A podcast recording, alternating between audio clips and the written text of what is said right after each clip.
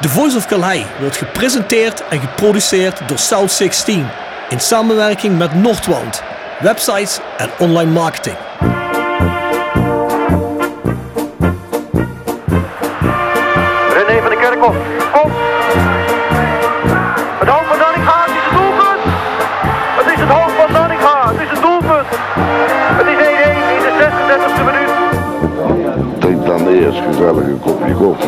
Met wat mensen.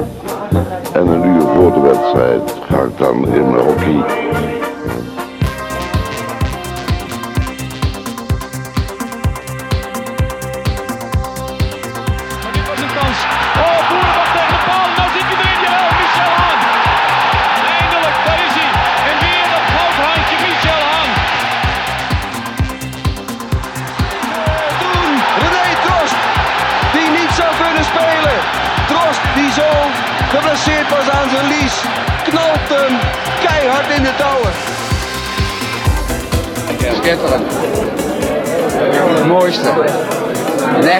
Hoofdpriester werden.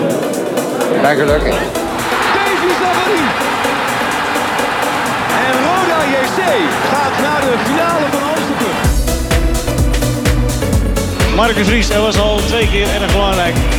En nu mist hij. En dus gaat Roda opgelucht terug naar Kerkrade.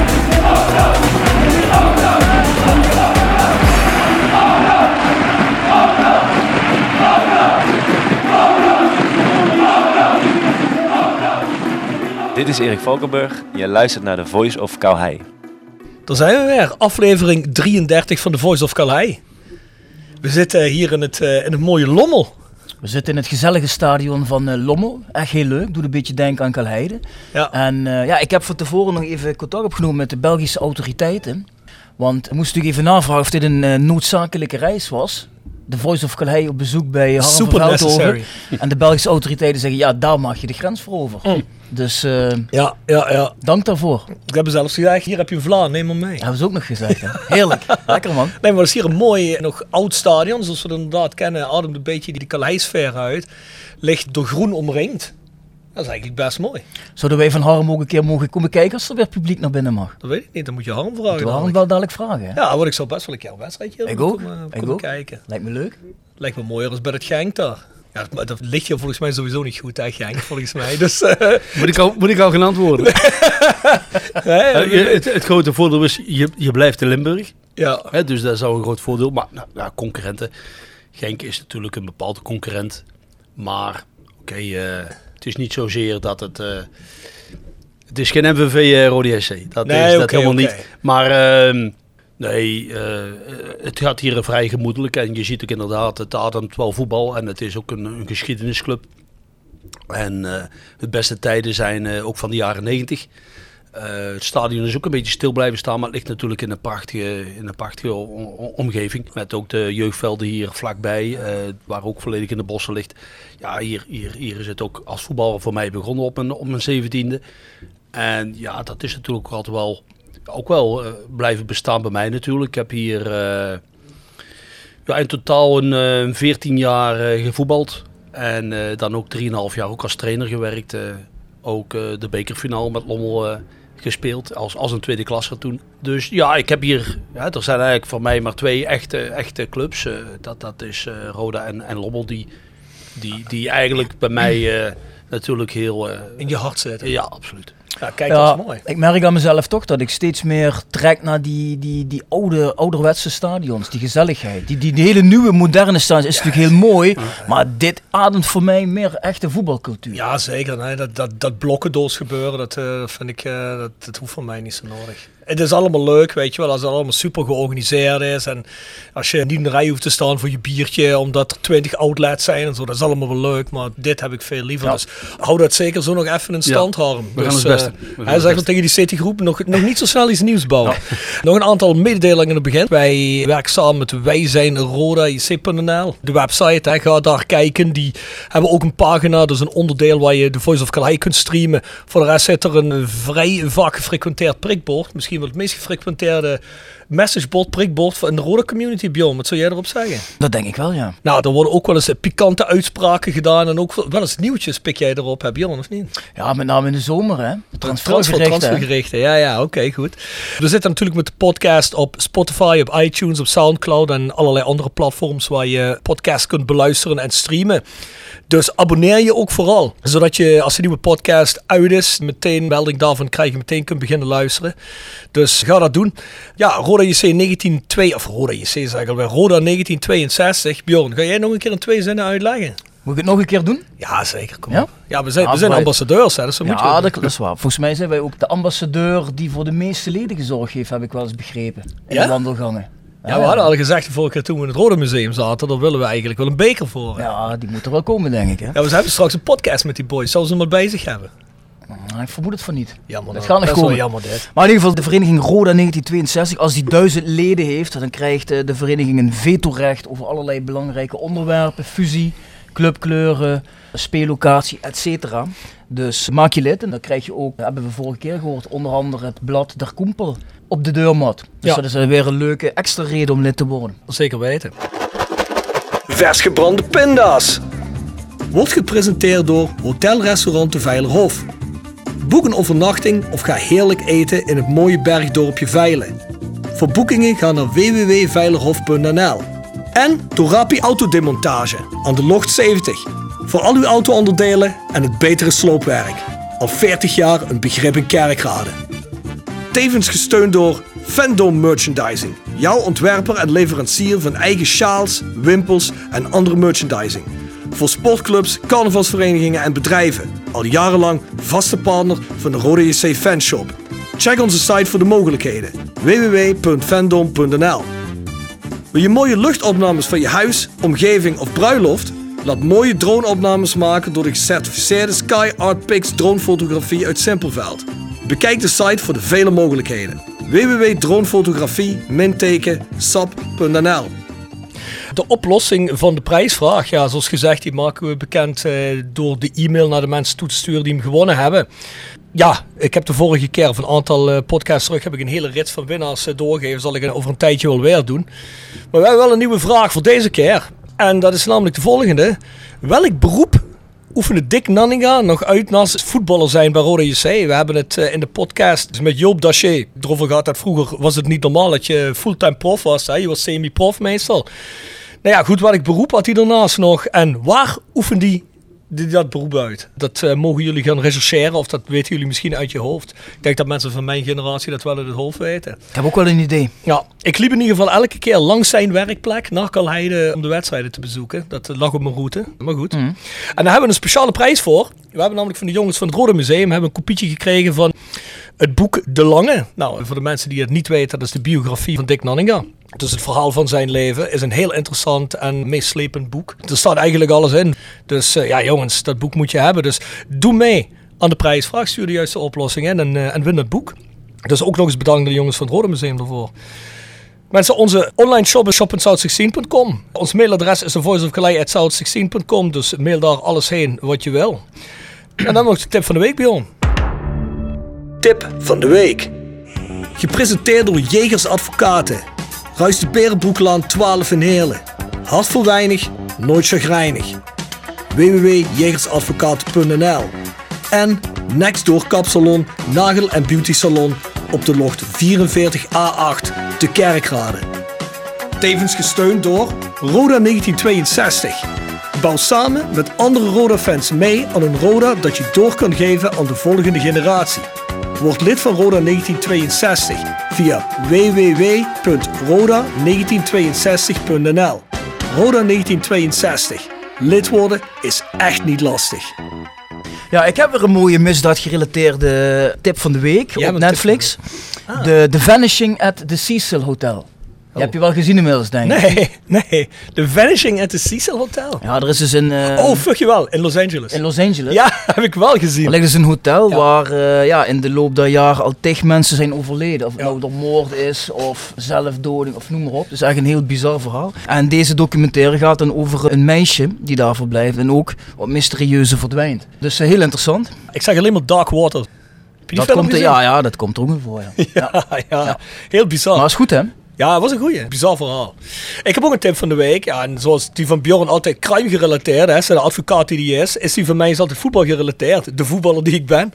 Copa 90 hebben we er een paar keer over gehad. Maar ik heb laatst weer een mooie documentaire gezien van ze. Is een drie kwartier tot een uurtje lang. Maar dat is wel een hele mooie, omdat hij me vooral ook liet denken aan onze lokale derby. En dat eh, is een documentaire, dat kun je op YouTube kun je die streamen. Die heet 900 Years of Hate. En het gaat over de derby tussen Atalanta en Brescia in Noord-Italië. Wat is dat? Lombardije geloof ik is dat, hè? Is dat ook daar? Geen idee. Ja, ja, dat is allemaal in de buurt daar, richting Monza, Turijn, dat soort zaken. Noord-Italië in ieder geval. En waarom hij me denken aan onze derby of onze grote rivaliteit met Maastricht? Omdat dan vooral ook de nadruk wordt gelegd op dat de mensen eigenlijk hetzelfde zijn. Maar dat daardoor net heel veel zaken eh, op de voorgrond treden. Zoals de kleine verschillen in levensinstelling. De steden op zich. De ene stad is een beetje meer rijker. De andere stad is een beetje meer van de werkers. Praat wel hetzelfde dialect, maar een klein beetje anders. Ze serveren net hun eten. Hè. Maaltijden die daar ontstaan zijn net een klein beetje anders. En dan heb je nog de hele rivaliteit erbij. Dat is een hele mooie documentaire. Die raad ik iedereen aan om te kijken. Want zeker als je kerkraad in Maastricht gewend bent, denk je, dat hadden wij ook kunnen zijn. Weet je wel, dus dat is, eh, dat is heel leuk om te kijken. Ja, nou, dat is ook zeggen, Bjorn. Bij wie zitten we? Nou, de mensen moeten hem eigenlijk al gehoord hebben. Hè? Stem moet je herkend hebben. De mensen hebben hem al gehoord en eigenlijk behoeft hij geen eh, nadere introductie. Harm van Veldhoven, Ja. een van onze meest succesvolle trainers, sympathieke trainers en later ook eh, onze directeur. Dus we gaan denk ik die hele episodes met hem doornemen. Dat gaan we zeker. Er valt eigenlijk veel te vertellen. Ik vraag mezelf wel of we genoeg hebben in die tijd met Harm om eh, dat allemaal door te nemen. Ja, je hebt weer een behoorlijk script geschreven, dus eh, ik denk dat het wel even gaat duren. Ja, hey, luister, zoals gezegd, kijk, bij veel gasten moet ik dan gaan onderzoeken, weet je moet eens gaan kijken, weet jullie spelers, die nieuwe spelers, ja, wat hebben die allemaal gespeeld en hè, wat zit er voor historie aan vast. Bij Harm hoefde ik maar een heel klein beetje te rechercheren en de rest weet je gewoon. Ja, je bent nog een hele intelligente jongen natuurlijk. Nee, dat komt bij jou dat heeft- zomaar eh, uit de mogen rollen. Het dat heeft ermee te maken dat ik me interesseer voor Roda. Elke die-hard fan die zegt Harm van Veldhoven die niet weet wie dat is, ja, dat vind ik problematisch. Want die zijn er eigenlijk niet, dus dat komt goed uit. Laten we bij het begin beginnen. Je komt 2008 naar Roda, hè? 2000, eh, ja. 2008? Ja. En je blijft in eerste instantie tot 212. Ja. Ja, ook in die tijd wisselen zich eh, dieptepunten al met hoogtepunten af. Hè? Je begint eigenlijk in een seizoen waar het ja, al niet al te denderend gaat. Hè? Vertel eens. Ja, goed. eh, ik ben gekomen in eh, november, december eh, 2008. eh, het moment dat de Roda laatste staat. En eigenlijk een vrij degelijke kern heeft.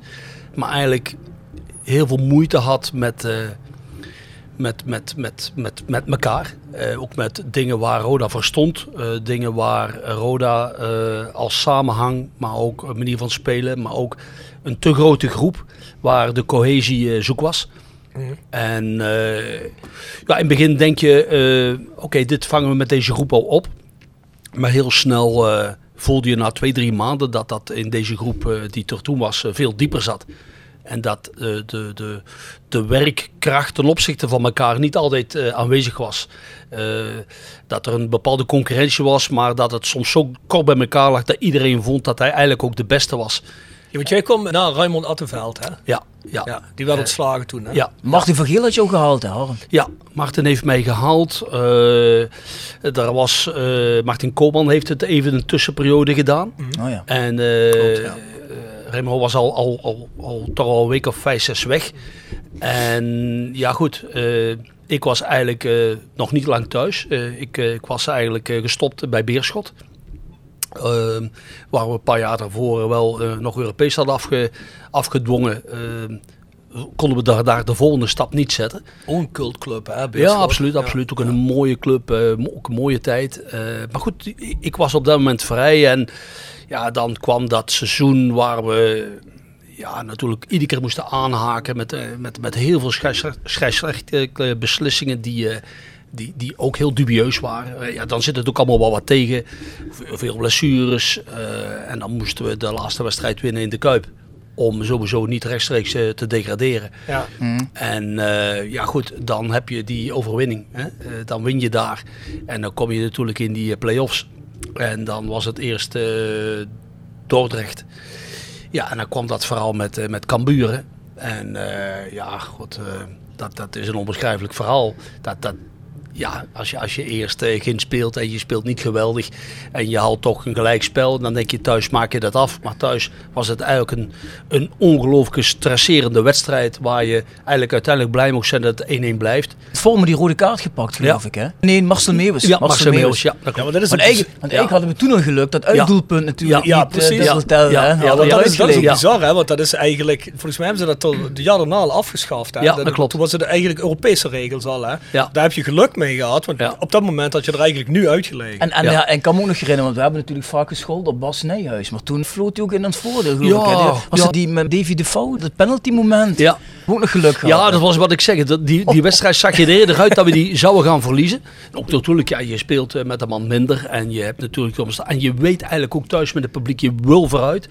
Eh Tuurlijk weet je op dat moment met een 1-1, er komt een terugwedstrijd. Alle- Alleen het grote probleem was, als we die zouden gaan spelen, dan gingen er, eh, dan was er eigenlijk, dat weekend erachter waren er twee jongens die, eh, ik geloof dat het Erik Addo was met, ik dacht CC. CC, Die interland gingen voetbal. interland voetbal. En dan hadden we de rode kaarten. Ja, dan hebben we de dag erop. eh, Want we moesten dan woensdags weer opnieuw. Want het is op een zondag gespeeld. En dan eh, ja, hebben maandags hebben wij eh, vier, vijf jongens eh, van, van, eh, van de A1 eh, erbij gehaald. Wesley Schors die eh, begint, die is, die is begonnen in, eh in Cambuur. En iedereen schreef ons toen af. ja, want je had helft van je helft al niet bij je eigenlijk, ja, hè? ja. Ik geloof dat Jans en Vormers stonden in het uitvak. Ik weet niet Ja. of die geblesseerd waren of zo. Ruud was geschorst en Willem was geblesseerd. En Oper was geloof ik niet erbij, hè? Nee, nee, die was toen de hele tijd al oud. Ehm CC niet. CC niet, ja, voorin eh, was het Wesley Schors met Hadouier. En dan eh, speelde Boudor nog een heel belangrijke rol. Eh, ja, Weet je die jongen, waren dat niet broers die ook mee? Een van die twee. En die Stankovs. Ja, die zat op de Stankov bank. zat op de bank, die is ingekomen. Maar ja, we speelden dan ook met Joom. Was het was al heel vroeg grijs, die Stankov. Ja. ja, ja, ja, 18 jaar. Ja. 18 jaar, want ik, ik, ik ga er heen, heen kijken. En toen- ik, ik weet ook dat ik die A1 zie spelen. Ik zeg, maar dat kan toch niet? Die, die gast 32. Ja, ja, ja. Heb ik zeg, eh, speelt de trainer mee vandaag? Maar eh, het was, het was godverdorie Stankov zelf. En, eh, ja, en eh, ja, die, die, ja, die was met zijn 18 inderdaad al helemaal grijs. En eh, ja, die, die heeft er ook gespeeld. Ja, en, en ook dat vooral daar was, was speciaal. Eh, kijk, je, het is, het is, je, je komt dan voor. Of je komt eerst achter in de wedstrijd, dan scoor je een, een acht minuten voor tijd, eh scoor je de 1-1 met, met Bodor. En, dat was niet, en dan komen we voor met een schot van Hadouier. En dan moet je je voorstellen, de 120ste minuut krijgen we strafschop 2. Bengel, ja. Ja, maar ongelooflijk. Waarom? Die, als, je, als je die beelden nog terug... Die, dat, dat was de loge loopt en die bal komt achter op zijn rug. En, eh, en ze gaven aan dat hij hem achter op zijn arm kreeg. Die gaat er dan in. En toen kwam die penalty-serie. Ja, Zenuwslopend. is echt zenuwslopend. ja, absoluut. Nee, zou was je zeggen, ik denk dat ik in, bij die wedstrijd, ik had zelf net een oogoperatie achter de rug, dus ik was er niet bij. Ik heb die eh, wedstrijd ook de hele tijd gekeken met een laptop tussen mijn voeten, want ik moest heel mijn hoofd omlaag houden. Heel lang verhaal, ga ik jullie niet meer lastig vallen, maar zo heb ik dat bekeken en ik ben volgens mij tien jaar ouder geworden in die Ja. wedstrijd. Dat is niet normaal. Wat een stress was dat dan. En dat Ja. waren we bij Roda ook helemaal niet gewend, hè, dit soort dingen. Het was de eerste keer dat we in zo'n situatie kwamen. Die dag inderdaad wel. Dan moet je naar Cambuur. Dat is sowieso best een heksenketel Ja, ja. daar. En dan met dat elftal, da- daar hou je je hoofd vast. Ja, nee, nee, op dat moment eh, gaf niemand daar nog iets voor. Dat, dat weet ik nog goed. En dat, dat heeft dus ook gesterkt. En ik weet ook nog heel goed toen wij die, die, die 120 minuten op hadden, dat we in die laatste minuutje je zou denken van... ehm, ja, dan, dan ben je zo teleurgesteld dat je het toch niet haalt. En dan ga je in die strafschoppenreeks. En eigenlijk weet ik nog heel goed wat ik zei. Ik, want ik had die vijf namen op, op, een, op, een, op een lijstje staan. Ik had al die vijf namen. Want ik had al voor de wedstrijd zoiets van. We hebben bijna alles meegemaakt hier. Eh, want dat, dat was heel de tijd tegenslagen opstaan. Ik zeg dus dat gaat verlengen worden. Dat gaat penalties worden. Dus we kunnen maar voorbereid zijn. Dus ik, ik had die vijf namen al, al lang in mijn zak zitten. En ik, ik weet nog goed dat ik naar de groep stap. Ik zei, kijk jongens, dit moest ook gebeuren. Toen moest dat strafschop worden. Ik ga er niet te lang op teleurgesteld. Dan gaan we die vijf binnentrappen. Hier is die namen, die vijf. En, en we gaan dat gewoon doen. En niemand gaat ons dat hier afpakken. Dit gaan wij nu doen vandaag. En ik zie die jongens kijken. Ja, dat gaan we dan ook doen. Maar wisten die vijf van tevoren nog niet dat zij ze gingen nee, nemen? nee, nee. Nee, nee? Nee, Is er nee. niemand bij die zei, ah, trainer Nee. liever niet? Nee, nee, het was nog een beetje discussiëren in de volgorde. Eh, maar nee, dat was iets van ja, dat, dat, dat, dat gaan we nu samen doen. En eh, ja, wat, wat ook nog heel, wat ik nooit vergeten ben, toen zaten we daar, maar daar gingen ook heel die klinkers. Door, rond het stadion, die vlogen natuurlijk rond. Dat was ook een heksenketel in Cambuur. Daar hebben we nog, eh, ja, wij kwamen om half vijf s morgens aan op Kaalheide. En dat was het natuurlijk feest. En Ja. dan zijn we eigenlijk begonnen, be- de, de- diezelfde morgen eigenlijk, of diezelfde rond de middag, heb ik met Marten afgesproken. En meteen hebben we toen gezegd van kijk, en nu gaan we die kern samenstellen. En nu gaan we ermee aan de slag. Want dit mag ons niet meer overkomen. En ja, vanaf dan hebben we eigenlijk, ja, de jaar erop eindigen we negendes. En de jaar daarop eindigen we zesdes. En eh, ja, dan begonnen we natuurlijk spelers te verkopen. Dan, dan hadden we natuurlijk ondertussen, ja, dan hadden wij eh Marcel Meels verkocht. Wij hadden CC verkocht, we hadden Titon verkocht. We, begonnen natuurlijk ook als club weer eh, op te staan. Ja, goed, dat derde jaar was natuurlijk een ongelooflijk jaar waar we ja, ook, ook in de bekercampagne ver geraken, waar we natuurlijk ook voetbal speelden. Maar eigenlijk gewoon met een goed uitgebalanceerd team, waar er stabiliteit was, waar eh, iets her- heel herkenbaar was vanuit, vanuit hieruit, eh, ook de bewegingen. Ja, dat, dat is natuurlijk een mooie tijd, absoluut. Zeker daarachter eh, was het in het begin zweten, maar daarna hebben we ook veel gelachen. Hoe wist jij trouwens dat Vincent Lachambre zo goed een strafschop kon nemen? Vince is, een, is, een, is, is, is zo cool. Eh, La Chambre, die krijg je volgens mij niet snel uit zijn lood. Het is een gouden gast die, eh, die altijd eh, ten strijde gaat. Nee, bij Vince wist gewoon eh, van kijk, Vince maak je niet de druk. Eh, jij gaat er vandaag hard tegenaan. En die strafschop, jij kiest de hoek maar, want die trapt hem toch netjes in het hoekje. En dan ging Vince er naartoe. Mooi hè? Ja, absoluut. Nee, is een, eh, ja, je hebt van die types waar je zegt, ja, daar moeten we nu niet te druk om maken. Dat, eh, dat, die geeft gas, die, eh, die doet zijn ding. Ja, ze hebben er nog wel een paar gehad. Maar je hebt meestal ook dan jongens die zich dan wel wat voorbij gaan lopen op den duur. Maar dat heeft Vince nooit gedaan. Eh, ja, is zeker iemand die Serrode niet mogen vergeten. Wat was eigenlijk de connectie tussen jou en Martin van Geel? Want hoe kwam hij bij jou uit? Nee, dat, dat, dat, ja, ik heb met Martin nog wel eens contact natuurlijk. Nou goed, hij had gewoon die informatie. En hij is, eh, zoals ik hoorde, een paar wedstrijden komen kijken. Hoe dat ik koos, hoe dat ik met dingen omging. En hij zei, ja, ik voelde gewoon dat dat perfect moest klikken met, eh, met, met Roda.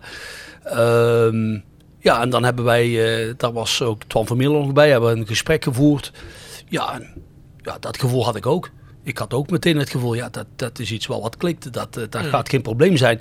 Nee, Martin is, wat ik heb vernomen achteraf, is dat hij natuurlijk zijn informatie had ingewonnen. Hij is een paar wedstrijden gaan kijken hoe ik met spelers omging, hoe dat ik coachte. En, en, en daar had hij een goed gevoel bij. Meer, Oké. meer niet, ja. Alright. Hij heeft hij toch een gouden handje in gehad dan uiteindelijk. hè? Zeker weten. Je komt in 2008 bij de club als toch wel een vrij eh, grote onbekende voor de meeste fans. Ik denk niet dat de meeste fans Beerschot echt gevolgd hadden op dat moment. Nou goed, loop maar de sisser af. Je zorgt dat we niet degraderen uiteindelijk. In dat seizoen is bijna degraderen niet het enige. Alhoewel er wel fans zijn die erom vragen op een gegeven moment. Ja. En dat is eh, natuurlijk omdat het fusiespook stak de kop erop. En die geruchten begonnen eigenlijk volgens mij net rond de tijd dat jij bij de club werd aangesteld. Ja, ja dat, dat, dat, dat, ging ook een beetje naast je af. Je bent, je bent eigenlijk vooral met die groep bezig. En eigenlijk werd ik in dat verhaal ook helemaal niet eh, meegenomen. Het was een toekomstplannen, maar dan lekten er toch altijd wel wat dingen uit. Ja, was er ook maakt- niet zo van Geel die bij je kwam en zegt van luister, we zijn Nee. op hoger niveau en praten over fusie. Nee, nee, nee. eh, ik denk dat Martin mijn moment ook wel verrast was wanneer dat dingen alweer naar buiten kwamen. Mhm. Eh daar kreeg ik later, eh, iets later altijd, kreeg daar wel een bepaalde uitleg van. Maar, maar meestal gaf ik ook Martin aan van Martin, la- laten, laten wij als spelers en als begeleiding erom ons vooral concentreren op, op het behoud. En dat is ook altijd gebeurd. Alleen natuurlijk in de wedstrijdmomenten. Want ja, daar is het toch een heel moment geweest tegen Ajax. Eh, thuis. Hè, dan, dan gaan de stoeltjes naar onder en dan voel je, oh, godverdorie, dit, dit is niet echt zoals Roda normaal reageert. Iedereen was kwaad op iedereen. Ehm, en, en, en glipte die club eh, door iedereen de vingers heen. En, en dat was frustrerend, hè? want ja, je voelt natuurlijk al- als iedereen hard aan het werken van, dan, dan zoek je allemaal steun. En dan eh, eh, wil je graag met elkaar iets opbouwen. En op dat moment viel het allemaal een beetje uit elkaar. Dat maakte het ook voor de groep wat makkelijker of moeilijker. Want sommigen gaven het ook aan als een excuus. En anderen die, eh, ja, die vonden dat ze nog harder moesten werken om, eh, om dit niet te laten gebeuren. Maar dat, ja, daar kreeg je overal eh, gemengde gevoelens bij. En, en dat maakte het verhaal op dat moment zeker niet gemakkelijk. Daarna, na een week of twee, drie, is dat natuurlijk allemaal teruggedraaid. Maar dat bleef wel heel lang hangen. Je voelde dat er ergens wat scheuren waren gekomen eh, in mensen die het dan wel moesten gaan leiden, waar het vertrouwen van een beetje van wegging. Eh, iedereen zocht achter elk deurtje wel een, een spion. En dat maakte natuurlijk de werking niet, eh, niet, niet prettig. En ja, ik was Je toch wel- na die tijd. Ja, ook na die tijd. Hè. Zeker toen we in januari, februari zaten. Ja, dat bleef al een beetje hangen. Want natuurlijk, de club bleef natuurlijk onderaan bengelen. En iedereen vond er wel iets van. En sommigen zeiden dan niks, maar waren achter de schermen toch aan het kijken van... Ja, gaat dat nu helemaal niet door? Of zijn er toch nog ergens geheime gesprekken bezig? Ja, dat, dat was zeker eh, zeer moeilijk. Ja, wat je zegt net, je haalt die wedstrijd tegen Ajax aan. Dat was natuurlijk de wedstrijd nadat bekend werd dat de fusie zou plaatsvinden. Ja. Ze hadden gezegd van dit gaat daadwerkelijk gebeuren. En natuurlijk de reden waarom fans ook begonnen te... Ja, natuurlijk uit frustratie, Ja. logisch.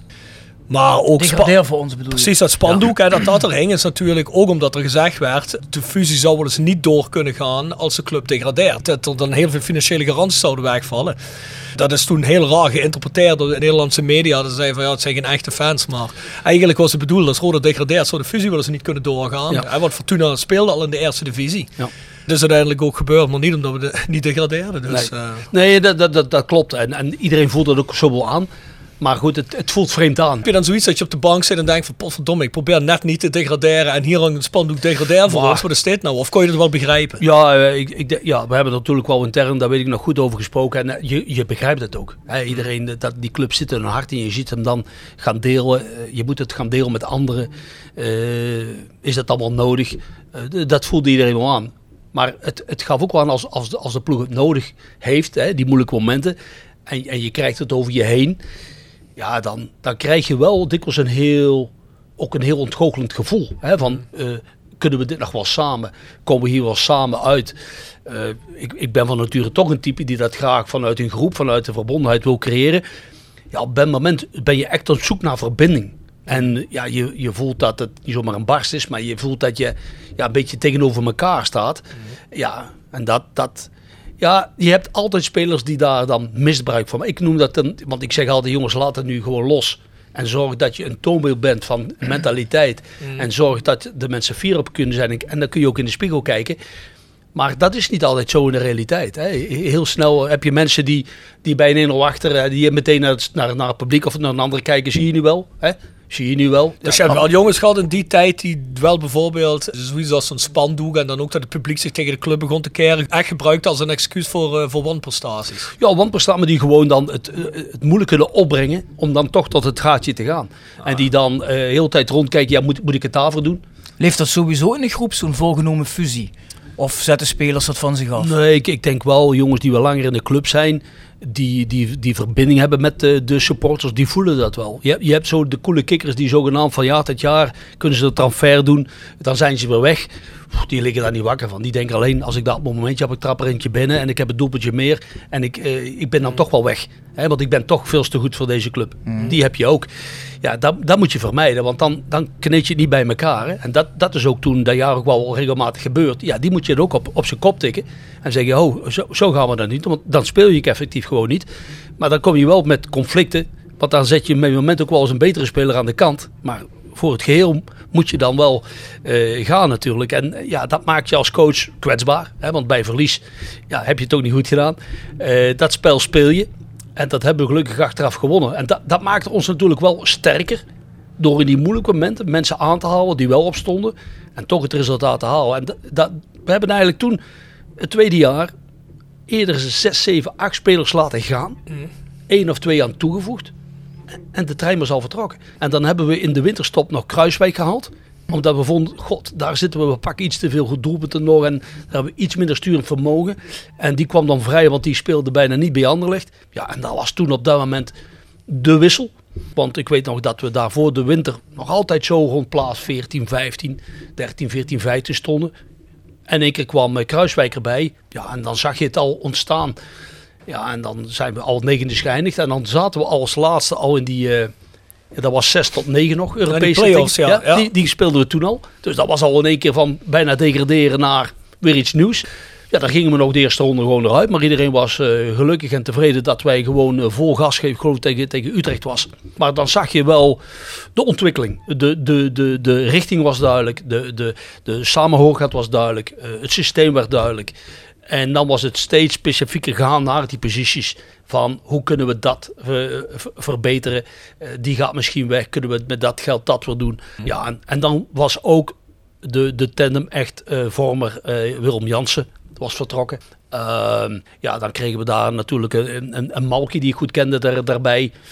Ja, die kwam pas wat later, geloof ik. Hè? Malky is eigenlijk pas vanaf het, het, het- ja, mijn anderhalf jaar. eh, maar die had ik eigenlijk gehad bij Beerschot. En die had bij mij dat jaar erachtien. En die hadden we toen eh, verkocht eh, voor anderhalf miljoen naar Lokeren. Maar die speelde daar bijna niet. Het was een voltreffer die daar al. Maar goed, ja, dat Ja. was voor mij ook geen, geen geheim. Ik bedoel, ja, Scoobo hadden we daarvoor, hè? ja Die Ja. ook prima, hè? absoluut. Samen maar dat, ja, daar zag je weer de combinatie puur vanuit dit voetbal. Eh, en Malky wist ik eigenlijk van, kijk, dat wordt een beetje aanpassen voor Mats. Maar Mats was zo intelligent. Eh, die maakte zijn doelpunt. dat- Maar als het om het geheel ging, dan kon Mats gemakkelijk zeggen, ja, oké, dan doen we dat. Dan speelde Mats, want eigenlijk bij Scoobel was hij meer het, eh, het. Eh, en dan maakte Mats af. Omdat Scubo zo de intelligentie had van oké te bewegen, die bal te laten vallen. En daarna was het meer Malky die de speerpunt was. En dan was eerder eh, Jonker een beetje de, de lepe jongen die tussen de linies ging zitten. En dan eh, de combinatie zocht. En dan Malky natuurlijk eh, iets meer in stelling bracht. Maar ja, dat is, dat, dat is gewoon schitterend om, om te zien groeien. Hè? En ook jongens die zo naar schikken, die, die ook het vermogen hebben om mee te denken. Ja, in die tijd hadden we dat ook nog met David de Vouw. Ja, we hebben daar niks al de jongens gehad die dan ook wel belangrijk waren om, om dat door te zetten. De Rode Lorge deed het ook altijd wel goed, hè? Ja, ja Laurent was eigenlijk een dienende speler, enorm loopvermogen. Die vooral eh, heel positief in zijn hoofd moest zitten. Als, want anders voelde hij niet ergens iets en dan, ja, ik heb toch een beetje last. En dan werd het moeilijker.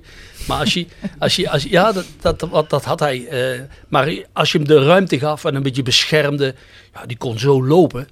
En die had dan nog een overzicht. Dat was dan eigenlijk een, een, ja, dat was een diesel. Hè. Die, die zette zich aan gang. En, en na 10, 15 meter dan begon eigenlijk die diesel pas te draaien. En als je dan een vorm had van 40, 50 meter, ja, dan liep hij gewoon iedereen aan fladder. fladder. En dat maakte hem wel speciaal in ons systeem. Hè. Dan kreeg je eigenlijk een combinatie in het midden. Hè, met Baudor eh, of met, met, met Vormer. Ja, dan kwam eh Jansen in de hoek. En dan eh, schoot De Lorge erbij. Ja, dan hadden we altijd vier, vijf mensen voor de goal. Jongens, ik wil eens even een vraag tussendoor doen. eh, van eh, Bart Eurlings. Beste Harm, na de persconferentie Heracles Roda eind 2009 keerde het landelijke sentiment over u. Nadat u erg rustig en netjes bleef nadat Verbeek u onbeschoft bejegende. Had u zelf op dat moment ook door dat u als winnaar uit die strijd kwam? En heeft Gert-Jan Verbeek ooit excuses aangeboden voor zijn gedrag? Nou, ik wist één ding zeker. Ehm, die stijl die Gert-Jan daar naar voren bracht, die stijl wil ik ook nooit niet hanteren. Dus ik had meteen een reflex van, zoals ik nu ook toen zei, waar ik nu ook zei, vind je dit nu nodig? Ik vond het eh, zeer oncollegiaal. Ehm, op dat moment, eh, wat het, het verhaal er rond was eigenlijk, kijk, wij verloren 3-2. En we zaten toen nog inderdaad in een moeilijke fase, maar we waren als groep enorm aan het groeien. En Heracles verdiende eigenlijk over de 90 minuten ook die wedstrijd te winnen. Maar in die laatste fase trappen we de bal ook nog op de lat en kan het 3-3 worden. Dus ben ik als coach van Roda mijn team aan het motiveren en aan het beschermen. Zeg, kijk, we hebben het helemaal niet zo slecht gedaan. Tuurlijk, de drie punten van. Maar als we een beetje geluk hebben en die bal van de lat die gaat erin. eh, hier, hier kan ik wel iets mee naar de volgende weken toe. En toen ging Gert-Jan in zijn verhaal. hè, Moet jij die video, heb je wel, eh, waar heb jij je cursus gedaan? En toen dacht ik ook zo, jongen, hou je gewoon bezig met je eigen ding. En, dat, en dat zie ik nu nog terug bij Gert-Jan. Nu ook zijn commentaar, hoe arrogant. Dan denk je van ja, collegiaal. Eigenlijk is hij alleen maar met zichzelf bezig. Hè? Eh, als, als presentator, want hij doet wel een beetje stoer. Maar soms denk ik, ja, het misschien beter gewoon in de bokswereld gebleven. Hè? Dat meen ik echt. Dat kan maar goed zijn, ja. Je, je, je, moet, je moet het natuurlijk wel collegiaal blijven zien. En je moet niet de hele tijd afzeiken, afzeiken. Dat vind ik zo zwak. Mm. Eh, hij heeft zich nooit verontschuldigd. Dat, dat hoef ik niet. Eh, ik, ik, ik vind het... ja, ik vind, ik vind je moet kijken naar de problematiek waar de persoon ook in zit. En er zijn nu ploegen die in de Eredivisie onderaan staan die eh, op hun manier, hè, pak nu maar een Emmen, die het op hun manier benadert. En je hebt eh, Heracles die altijd van ontwikkeling op hun manier benadert. En zo zit iedere club een beetje in zijn fases. Om dan te gaan vertellen wat die allemaal moeten gaan doen. Nou, ik vind dat altijd zo kortzichtig. Ik vind dat Ja, maar die Gertjan van Beek heeft gewoon zijn eigen stijl. Die is ook een beetje in zichzelf gaan geloven. Krijgt van mensen zoals een Johan Derks en zo krijgen ze allemaal ver in de kont geschoven. Dat dat allemaal zo mooi is hoe die dat doet. Soms denk ik wel eens, ja oké, dat is wel eens een keer nodig. Maar over het algemeen denk ik, ligt het er veel te dik op.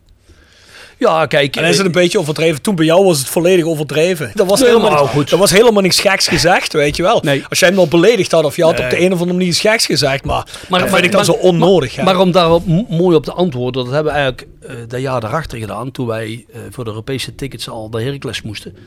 En dat wij die negende plaats eindigden en, eh, en zij zesdes. Mhm. Dat was wel tegen Her- Heracles. En eh, ja, dan speelden we thuis eh, 1-1. En toen moesten we naar Gins toe. En dan eh, gingen we daar door. Toen winnen we daar met 1-2. En toen zat ik natuurlijk ook te wachten op de persconferentie. Maar dan, dan zat Gert-Jan, zat al in zijn wagen, die reed al naar huis. Nou, dan was hij ook komen opdagen. Nee. Dus en, en dat was ook hun laatste wedstrijd en, en, en, en dan was het ook meteen voorbij voor hun. Maar mij gaat het erover, niet omdat je dat dan wel wint of daar verliest. Het gaat mij vooral over van, wij kunnen allemaal samen wel eens een wedstrijd winnen of verliezen. Het gaat hoe dat je met elkaar omgaat en hoe dat iedereen in een bepaald proces zit. En ben dan op al momenten ook een grote man. En eh, wens iemand succes. eh, en de wedstrijden die je tegen elkaar speelt, die probeer je te winnen van elkaar. En dat hoort in de sport. Maar blijf erin wel eh, op een bepaald niveau. Zeker. Ben ik met je Nou, eens. duidelijk. Ja. En zullen we eens voor de afwisseling wat eerder een rubriekje erin gooien? ja, zeker. Gooi hem erin. Welke doen we? The Sound of Calhei. Gepresenteerd door www.gsrmusic.com voor muziek en exclusieve merch van Born From Pain, Madball, Death Before Dishonor, Archangel en nog veel meer. Ga naar www.gsrmusic.com En iPhone Reparatie Limburg voor professionele reparatie van Apple, Samsung en Huawei telefoons. Wouderpad 7 te Beek. Ook worden we gesteund door Willeweber Keukens. Wil jij graag kwaliteitskeukendesign dat ook bij jouw beurs past? Ga dan naar Willeweber Keukens in de Boebegraaf 1 te Schinveld. De Sound of Sound of Calais doen we. Daarom, we hebben een aantal rubrieken. Ja, deze hier, eh, ik weet niet, eh, ben je bekend met Spotify? Ja. Spotify, daar hebben we een playlist op van de podcast. En elke gast zijn favoriete song voegt hij toe. Ja. Dus we vragen aan jou, ja, je favoriete artiest, je favoriete song, zeg maar iets. Goh, ik, ik, ik zou kiezen, omdat ik die vooral bij Roda veel gedraaid heb als ik in huis reed. Dat is U2 van eh, Beautiful Day. Ah, ik eh, moet zeggen, keuze. dat is een, eh, een klassieker. En mijn dochter zal ermee lachen. Mijn dochter ging bijna al de wedstrijden, al de thuiswedstrijden met mij mee. En dan reden we samen naar huis. En dan, als we wonnen, dan moest deze plaat hard erop. En dan zong ik hem vrolijk mee. En dan had ik ongelooflijk plezier in. Nice. Mooi. Ja, dat vind ik Nou, mooi. dat is een mooie mooie keuze. Ja, je zei net al, je dochter, die is Roda-fan. Ja. Ja, ja ik, heb, ik, heb, ik heb twee kinderen. Een zoon eh, en een dochter. Ehm, mijn zoon heeft iets meer de voetbalperiode hier meegemaakt bij, bij Lommel. En dat zie je ook aan, aan hoe dat hij met Lommel omgaat. Ook wel met vol respect voor, voor Roda. Want anders komt hij thuis niet in. Nou, dat is echt, Maar, maar, dat is maar- echt een maar- lommeljongen. Ja, maar Mijn, mijn, mijn, mijn dochter, dat is het omgekeerde. Die heeft vooral de, de tijd van, eh, wat we het net over hadden, eh, die 2008, 2012. En ook de, daarna, dus ook dat ik terugkwam, eh, allemaal meegemaakt. En eh, ja, er is voor haar is er eigenlijk ook maar één club, dat is Rode JC. Dus dat, ja, dat, dat, is, eh, Nou, mooi. dat is mooi, ja. Dat vinden we mooi om te horen, toch, Bjorn? Dat horen we altijd graag, hè? Ja, dat horen we heel graag. Je hebt die tijd bij Roda gehad. Na 2-12 ga je weg. Ja. En dan ga je naar Mechelen. Ja, hoe komt dat eigenlijk tot stand? Wil je gewoon voor... Ik kan me dat niet meer goed herinneren. Wil je Nee. eigenlijk gewoon voor iets nieuws gaan kijken? Of wilde precies. de club niet meer? Wat was dat toen? Ja, goed, ik, ik voelde wel, eh, dat, dat was één belangrijk punt. Eh, Martin was al een jaar weg. Martin Ja. was naar Feyenoord gegaan. En eh, we hadden eigenlijk heel veel moeite om die posities daar weer in te vullen. En daar hadden we niet meer diezelfde samenhorigheid waar het effectief naartoe zou kunnen gaan. Dat voelde ik gewoon. Eh, daarin heb ik, heb ik jaren mij ook ingespannen om daar een beetje een, een verbinding te hebben. eh, om soms die rol van algemeen directeur, technisch directeur een beetje te ondersteunen. Maar daar voelde je eigenlijk al ja, niet altijd meer die rust en die zelfverzekerheid die we daar nodig hadden om door te groeien. Je kwam toen Wielaard, geloof ik, op technisch, hè, of niet? ja, en, eh, maar dat was eigenlijk, het was op dat moment een beetje zoeken met de nieuwe algemeen directeur. Marcel van der Bundert. Ja, die volgde van Geel op natuurlijk, Ja. hè? En, en dat was de hele tijd wat zoeken. Hè, van, oké, eh, wie is het sterkste? Eh, wie eh, kan het meest bepalen? Ja, Maar dus eigenlijk voelde je al een beetje aan, dit zou wel eens minder kunnen gaan worden Ja. dan de jaren daarvoor. ja.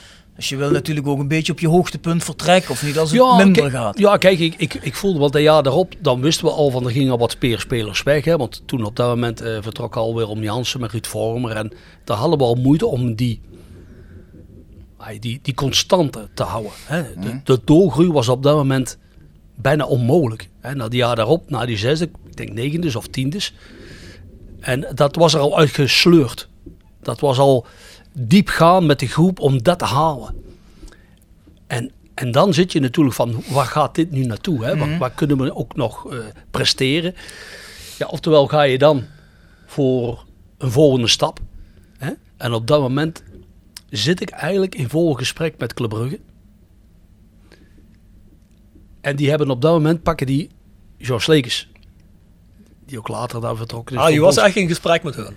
Ja, die gesprekken liepen en dat Ja. was, was en eh, ik wist ook wel dat Mechelen interesse had, maar natuurlijk met het Brugge-verhaal, ja, dat vond ik op dat moment wel een ongelooflijke stap of een uitdaging. Zeggen Ja. België is dat toch ja, eigenlijk de maar, grootste maar club, toen, toen, ja, maar toen was dat nog, ja, was ook een van de top drie, maar op dat moment stond Anderlecht zelfs een beetje verder. Eh, dat was net zo'n beetje de ommekeer van eh, wat Brugge een, een andere richting op wou gaan. Nou goed, dat, is dan, dat ging dan niet door. Eh, en op dat moment komt ook meteen KV Mechelen. Ja, en eigenlijk is dat ook een, een, een, een goede keuze geweest. Dat jaar met, met KV Mechelen eindig ook op een zesde plaats. Maar dan zie je ook dat die clubs... ehm, ja, dat is het hè. Dat is het ook. Dat, dat wordt in verwachting wel hoger. Maar eigenlijk voor zo'n clubs om nog hoger dan die zesde plaats.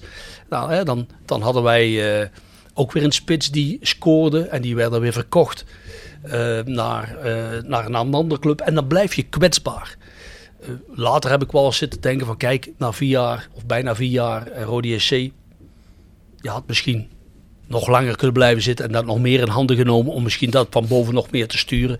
Als trainer is vier jaar tegenwoordig al best lang, hè? Absoluut. Dat, dat gevoel had ik toen ook. En Maar ik kan wel begrijpen dat je zoiets bij Marcel van de Beunder al vrij vroeg had van eh, dat zit niet helemaal lekker. Dat- Ja, ja kijk, het, het, het is een andere wind die er waait. En, maar ik voelde wel van, dit, dit ademt niet het voetbal in totaliteit wat Marten Vergeel ademde. Dat was anders. En ja, dat pak je mee. Dat pak je mee in je besluiten. Want kijk, ik was toen, eh, ik geloof 52. Dan zit je in een fase eh, van, ja, wat kan ik er nog allemaal uithalen? Waar liggen mijn persoonlijke mogelijkheden? Ja, en, en dan, dan maak je een besluit. En ik heb dan ook heel eerlijk dat besluit aangegeven. En ja, ik heb ook een geweldige afscheid gehad. En ik vond het ook goed. En eh, ook gewoon zoals nu ook die contacten blijven houden. Ja, en dan, dan, dan vroeg of laat komt dat. Dat is ook heel herkenbaar met mij ook wel. Eh, ja, waar ik ooit gewerkt heb. Ik heb dat met, als speler met Shermel Eker was eigenlijk het Shermel Beerschot. Ik heb ook Shermel Eker gevoetbald. Ook teruggekomen als trainer. Ik heb bij RWDM gevoetbald. Ik ben ook teruggegaan, eh RWDM, FC Brussels en nu Ja. weer terug het RWDM. Ja, het, het, het, komt wel een beetje terug in mijn leven, zo dat ik eh, ja, ergens waar ik geweest ben en ook goede tijden heb beleefd. Soms is dat mooi anderhalf jaar, twee jaar, soms dat vier jaar. Dat ik altijd wel weer, weer terug kan komen. Dat ik daarin op een mooie manier heb eh, de dingen afgesloten. Soms, ik heb bij Beerschot heb ik gewoon gezegd, eh, het tweede jaar, ik, ik doe het niet meer. Ik, eh, ik, ik- ja, we, we- vinden elkaar niet. Ik heb, ik heb ook als, als trainer, ik word hier bij Lommel kampioen. Als, als beginnende trainer en eerste klas. En ik ga hier weg en ik ga naar Brussels, tweede klas. Ik word kampioen. En ik zei ook meteen, nu moet ik verder. Ik heb dat soms ook wel. Dat ik dan wel een moment heb.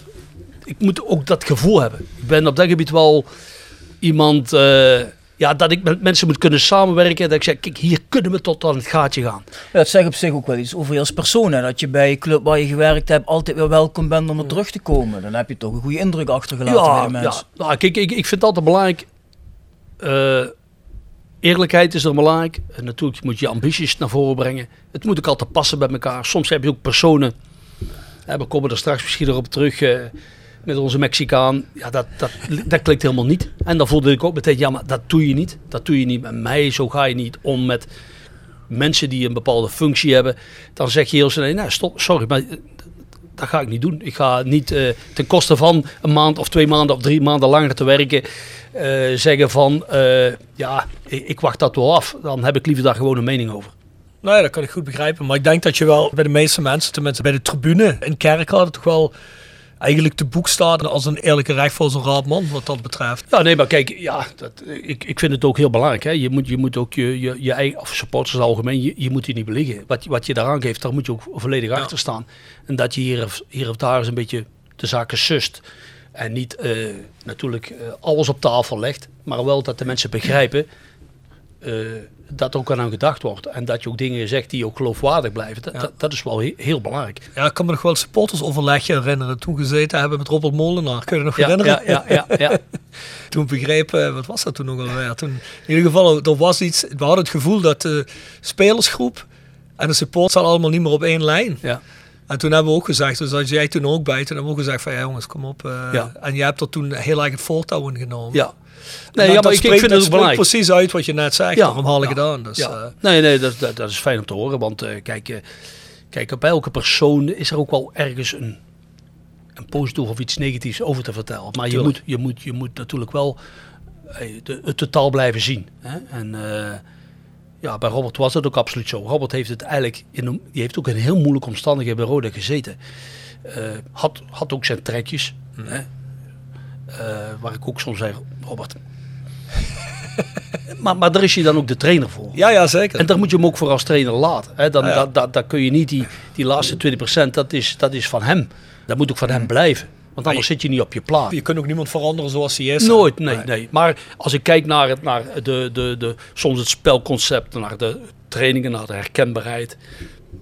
Ja, dat zijn wel dingen waar je, waar je dan met de persoon ook soms de tijd voor moet geven. Dat het ook kan, dat het ook kan lukken.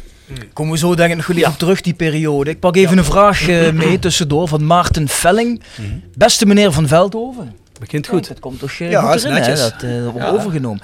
Maarten die wil graag van jou weten, Harm, aan welke voorwaarden moet een Nederlandse voetbalclub kunnen voldoen voordat ze Europees voetbal kunnen gaan spelen? En welke stappen zou Roda moeten doorlopen, wil men dat ooit weer eens een keer kunnen gaan bereiken? Ja, dus dat is natuurlijk een heel moeilijke vraag. Ay, moeilijk niet, maar kijk, eh, het begint natuurlijk altijd met een goede organisatie. En daar heb je natuurlijk ook een bepaald financieel plan voor nodig. Ehm, en, en dat financieel plan, dat moet je natuurlijk op lange termijn kunnen wegzetten. Ehm, ik denk dat het heel belangrijk is dat elke club een herkenbaarheid heeft. En dat, dat heeft Roda. Ehm, en, en die zaken samen moet je als een kracht gebruiken. Dat vind ik ongelooflijk belangrijk. Ajax is Ajax. eh, eh, Roda is Roda. eh, Feyenoord is Feyenoord. Zo herken je niks de clubs gewoon aan hun eigenheid. En door die eigenheid zo te gebruiken dat je dat commercieel kunt uitzetten en gebruiken. Waardoor je organisatie ook perfect past bij de stijl die je wil naar voren brengen. eh, ja, kun je heel ver komen. Ik, ik vind het ook heel belangrijk dat daar een heel goede jeugdwerking aan, aan en de onderbouw ook eraan toegevoegd wordt. Om zeker in een regio waar eh, ontwikkeling, waar eh, doorgroei zeer belangrijk is, eh, ja, dat, dat je dat moet kunnen wegzetten op lange termijn. Ehm, als je kijkt dan naar Europees. Ja, kijk, in eerste instantie eh, heb ik de hoop voor Roda dat zij over een x aantal jaren weer eerst kunnen promoveren. De verschillen met onderaan in de Eredivisie en de top eh, keukenkampioen is al niet meer zo groot. Ehm, het is daarin altijd heel belangrijk dat de juiste mensen de juiste keuze kunnen blijven maken en zeer goed omgaan met het financieel vermogen wat ter beschikking is. Sla daar ook in stappen over. Ik denk dat dat misschien het pijnlijk is geweest eh, bij Roda. Dat daar een aantal zaken in een forcerende rol zijn gebeurd, waardoor je jezelf zoveel pijn doet dat je dat niet meer kunt herstellen. Of heel moeilijk kunt herstellen. En dan moeten er altijd mensen voor op de blaren. En dan ontgoochel je mensen. En je moet de mensen juist in omgekeerde richting kunnen erbij betrekken en aan boord blijven houden. Dat er elke keer nog meer mensen op die trein kunnen stappen. Het Europees verhaal, eigenlijk mogen we daar niet aan denken. Ik denk op dit moment dat je moet trachten om weer naar de Eredivisie te komen. En dan zal de toekomst uitwijzen, punt 1, wat er ook gebeurt met het totaalvoetbal. Hè, want misschien zitten we over twee, drie jaar in een binnenliga te voetballen en krijgen we weer andere situaties. Maar ik denk dat elke club en vooral Rode moet kijken met de mogelijkheden die ze hebben. En dan op hun manier, wat ik net zeg, proberen eh, op t- eigenlijk uit te bouwen. Ja, oké. Nog even terug naar je, je trainerscarrière, voordat we overgaan naar de periode dat je in Kerkrade terugkeert als TD. Ehm, bijzonder feit, je hebt ook even in India gezeten. Ja. Hoe is dat zo gekomen? Nou, eigenlijk eh, is dat eigenlijk gekomen door Martin Vergeel. Dat is heel vreemd. Eh, dus ik had mijn trainerscarrière. Je hebt natuurlijk altijd wat contact. En op dat moment eh, stopt eh, na een kleine twee jaar bij KV Mechelen. En Martin Vergeel bijt mij op. En zei, kijk, wij hebben een samenwerking met Delhi Dynamos, met Feyenoord. En die zijn op zoek naar een coach. En ik heb aangegeven daar, als je een coach wil hebben voor die opbouw, voor die organisatie en die begeleiding, dan zou je haar moeten nemen. Ik zei, maar Martin, dat is heel bedankt voor je compliment. Ik zeg, maar naar India. Ik zeg, godverdorie. Ik zeg, waar stuur je me nu naartoe? Hè? Kom gewoon eens voor een gesprek. En ik heb daar een gesprek. En eigenlijk was dat een goed gesprek. Maar twee uur duurde dat. Waar was dat? In Rotterdam. In Rotterdam. Ja. En eh, ik rijd naar huis. En eh, ik bel mijn vrouw op. En ik zeg, eh, Simon, ik zeg, eh, ik ben rond zes uur thuis. Maar ik denk toch niet dat ik zo snel dat vliegtuig ga nemen. We zullen dat wel bekijken, hoe dat, dat verder verloopt. Maar dat zit. Ik ben nog aan het rijden. Ik ben bijna thuis. Martin belt me nu op. Arm, wat vond je van het gesprek? Ik zeg, een goed gesprek. Ik zeg, maar Martin, ja. Ik zeg, sorry, maar dat heeft me toch nog niet echt zo overtuigd. Ja, zij is wel overtuigd, zegt hij. Want je, ze vragen of je morgen terug kan komen. Ja. ik zeg, oké. Ja, ik zeg, uit beleefdheid. Ja, goed. Ik zeg, nou Martin, dan kom ik morgen wel eens terug. En... ehm, Toen lag er al een dikke envelop op tafel. Nee, toen nog niet. toen nog niet. Toen nog niet. Eh, dan was het eigenlijk zo dat eh, de, de, de, de, de tweede keer... En toen ging het wat meer over het... ook een stukje over financieel, maar ook meer de organisatie en, en hoe dat we het team konden uitbouwen. En ja, dan werd het al wat closer. Dus ik, ik rij opnieuw naar huis en ik zeg tegen mijn vrouw, zeg Simon, ben om zes uur thuis. En, maar, ja, ik weet het nog niet goed. Het is toch zoiets van, dit kan misschien wel iets worden, maar godverdorie, we zijn er nog ver uit elkaar. Dit en dat. Martin belt me op. Hij zei, Harm, morgen komt eh, de voorzitter vanuit eh Delhi overgevlogen. Hij wil dat in orde maken. Ik zei, ja, maar Martin, we hebben financieel wel wat gesproken, wordt toch niet? Je zegt het maar. Je zegt het maar, hoe dat je dat eh, uit wil werken. Want ja, die komt niet voor niks. Dus ik de dag erop terug. Toen voelde ik wel, god, dit gaat erop of eronder zijn. Dus twee uur gesproken. Ik bel mijn vrouw op als ik in huis zit. Ik zeg, Simon, Bestel een curry maar. ik zeg, Harm, Harm is over twee weken naar, naar Delhi. hoe, hoe heb je dan gedaan? Ik zeg, ja. Ik zeg, ik ga het doen. Ik zeg, ik heb alles nu eh, eh, geregeld. Ik zeg, we hebben nou ook een akkoord. Ik zeg, hetgene wat ik erin heb toegevoegd, dat is eigenlijk bevestigd. Ja, maar daar ben je over twee weken al weg. Ik zeg, ja. Ik zeg, eh, ik zeg morgen rijd ik naar Brussel. Want die visum, daar zal ik toch op tijd moeten gaan aanvragen. En toen, ja, dan ben ik... eh, en dat is ook een geweldige ervaring Dus geweest. je bent alleen gegaan naar India, niet met je gezin. Nee, ik ben alleen gegaan. Eh, dan heb ik Mark Luipers meegenomen. Ja, precies. Hè? Mark is meegegaan. En ik een heb, paar andere Roda bekenden, hè? ja, ja, Jonker en Scubo. Ja. Ja, Maar Jonker heb je sowieso al meegenomen naar Mechelen, hè? ja, ja, Potverdomme. ja. ja, ja, dat, dat, ja, goed, dat komt zo op je pad. En, en, en- Ja, ja. en toen kwam eigenlijk India en, en ik had natuurlijk bij Mats altijd wel het contact. Ja, dat zijn ook jongens die die levenservaring. Scubo ook meteen. Ja, dat wil ik ook nog wel doen. Ja, want wie was dat dan vertellen? Mark vertelde dat. Ze hebben allebei bij ons in de podcast gezeten, Mats en Mark. En een van de twee zei toen van... eh, ja, we hadden er gewoon zin in. Gewoon eventjes... eh, ja, niet Mark volgens mij, hè. Maar Nee, dat volgens mij... Scubo, volgens mij Mats had Mark dat, hè? verteld dat Scubo had gezegd. Oh nee, Mats vertelde dat Scubo op een gegeven moment gezegd ja, dan, dan mochten er zoveel buitenlanders spelen. Dat Ja. hij zegt, oh, dan zet ik me wel op de bank. Ja, ik, hem ging het vooral om het avontuur Indië toen, ja. ja. Maar we hebben, er is, er, we hebben, Maar wel we- lekker. We hebben, we- want ja, we hebben, we hebben dat natuurlijk goed gedaan. Alleen eh, het moeilijkheid was, we zaten dus, eh, eh, Del Piero was een van onze spelers. En dat was niet gemakkelijk. Die kwam Ja, dan wil eigenlijk, ik je nog vragen. Wat is dan Ja. gemakkelijker? Een gesprek met Del Piero of met De La Vega? ja, ja, ja dat, zijn- dat is een moeilijke deze. Dat is echt een moeilijke. Nou nee, dan zou ik toch Del Piero van- kiezen. Ik zou wel Del Piero kiezen, omdat wij, had- wij, het probleem was... Kijk, Alexander kwam niet fit aan. En die kwam een week voor de competitiestart. En ik had met deze jongens zes weken voorbereiding gedaan. En eigenlijk moest Alexander ook spelen. Maar hoe koppig dat ik ben natuurlijk... ja, ik begin natuurlijk met de ploeg die al getraind en fit is. En dat was natuurlijk al een beetje een probleem. Hey, want daar hadden ze niet allemaal even graag. En dus ik, ik, ik had al even het gevoel van, hoe lang blijf ik in India? Eh, maar daar was Kubo de eerste zeggen, trainer, daar gaan we ons toch niet zo druk maken, laat hem eens spelen. Ik zeg, nee, nee, nee, Kubo. Ik zeg, zo gaan we dat niet doen. Want dat was ook Morten wel. Ja, die, die, als het dat te moeilijk was, dan zou, dan zou hij meteen zeggen, ja, dan zet mij maar op de bank. Maar zo, zo werkt het natuurlijk niet. Eh, dat, dat- zo mooi was ook wel de, de band die we hadden met elkaar. Eh, hard werken, eh, consequent goed omgemaakt, maar ook echt met, met, met, met, met het respect. En ja, dat, dat was ook de band die je creëert met die jongens. Hè. Als je dan aangaf kijk jongens, hè, van, van Jonker kan ik zoveel mooie dingen zeggen. Maar als het er moest gaan gebeuren, ja, dan stonden ze er wel. Eh, M- M- Matt zei ook dikwijls tegen mij, trainer, ja, zit me niet altijd op mijn kop, want ik sta er altijd op de goede plaats. Zeggen, als je nog beter wil worden, dan moet je dit gaan doen. Hè? En dan zei Mats ook tegen, ja maar trainer, eh, op de goede plaats staan is ook een gave. Hè? Ik zeg, ja dat klopt ook jongen, maar ik heb toch liever dat je drie keer op de goede plaats staat. Zo praagde ik hem dan weer. En toen heb je het ook tegen Del Piero gezegd, luister, als je beter wil worden, dan, moet je, dan moet je doen wat ik zeg. Zo is dat. en dat is ook gebeurd. Alleen het duurde dan weer een week of zes.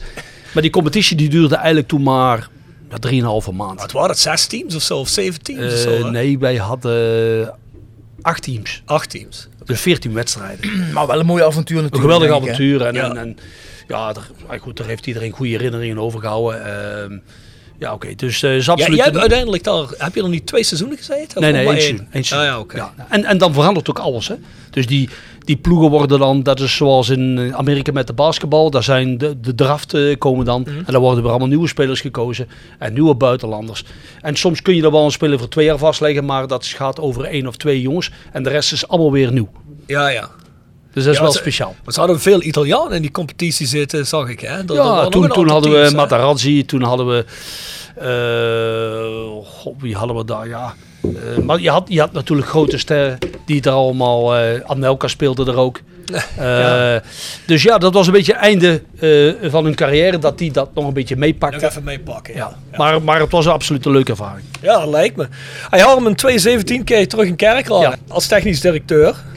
Met een contract voor onbepaalde tijd in eerste instantie. De club is er natuurlijk een beetje in verval geraakt, sportief. Hè? Ja. Het is niet meer eh, hoe je hem verlaten hebt eigenlijk.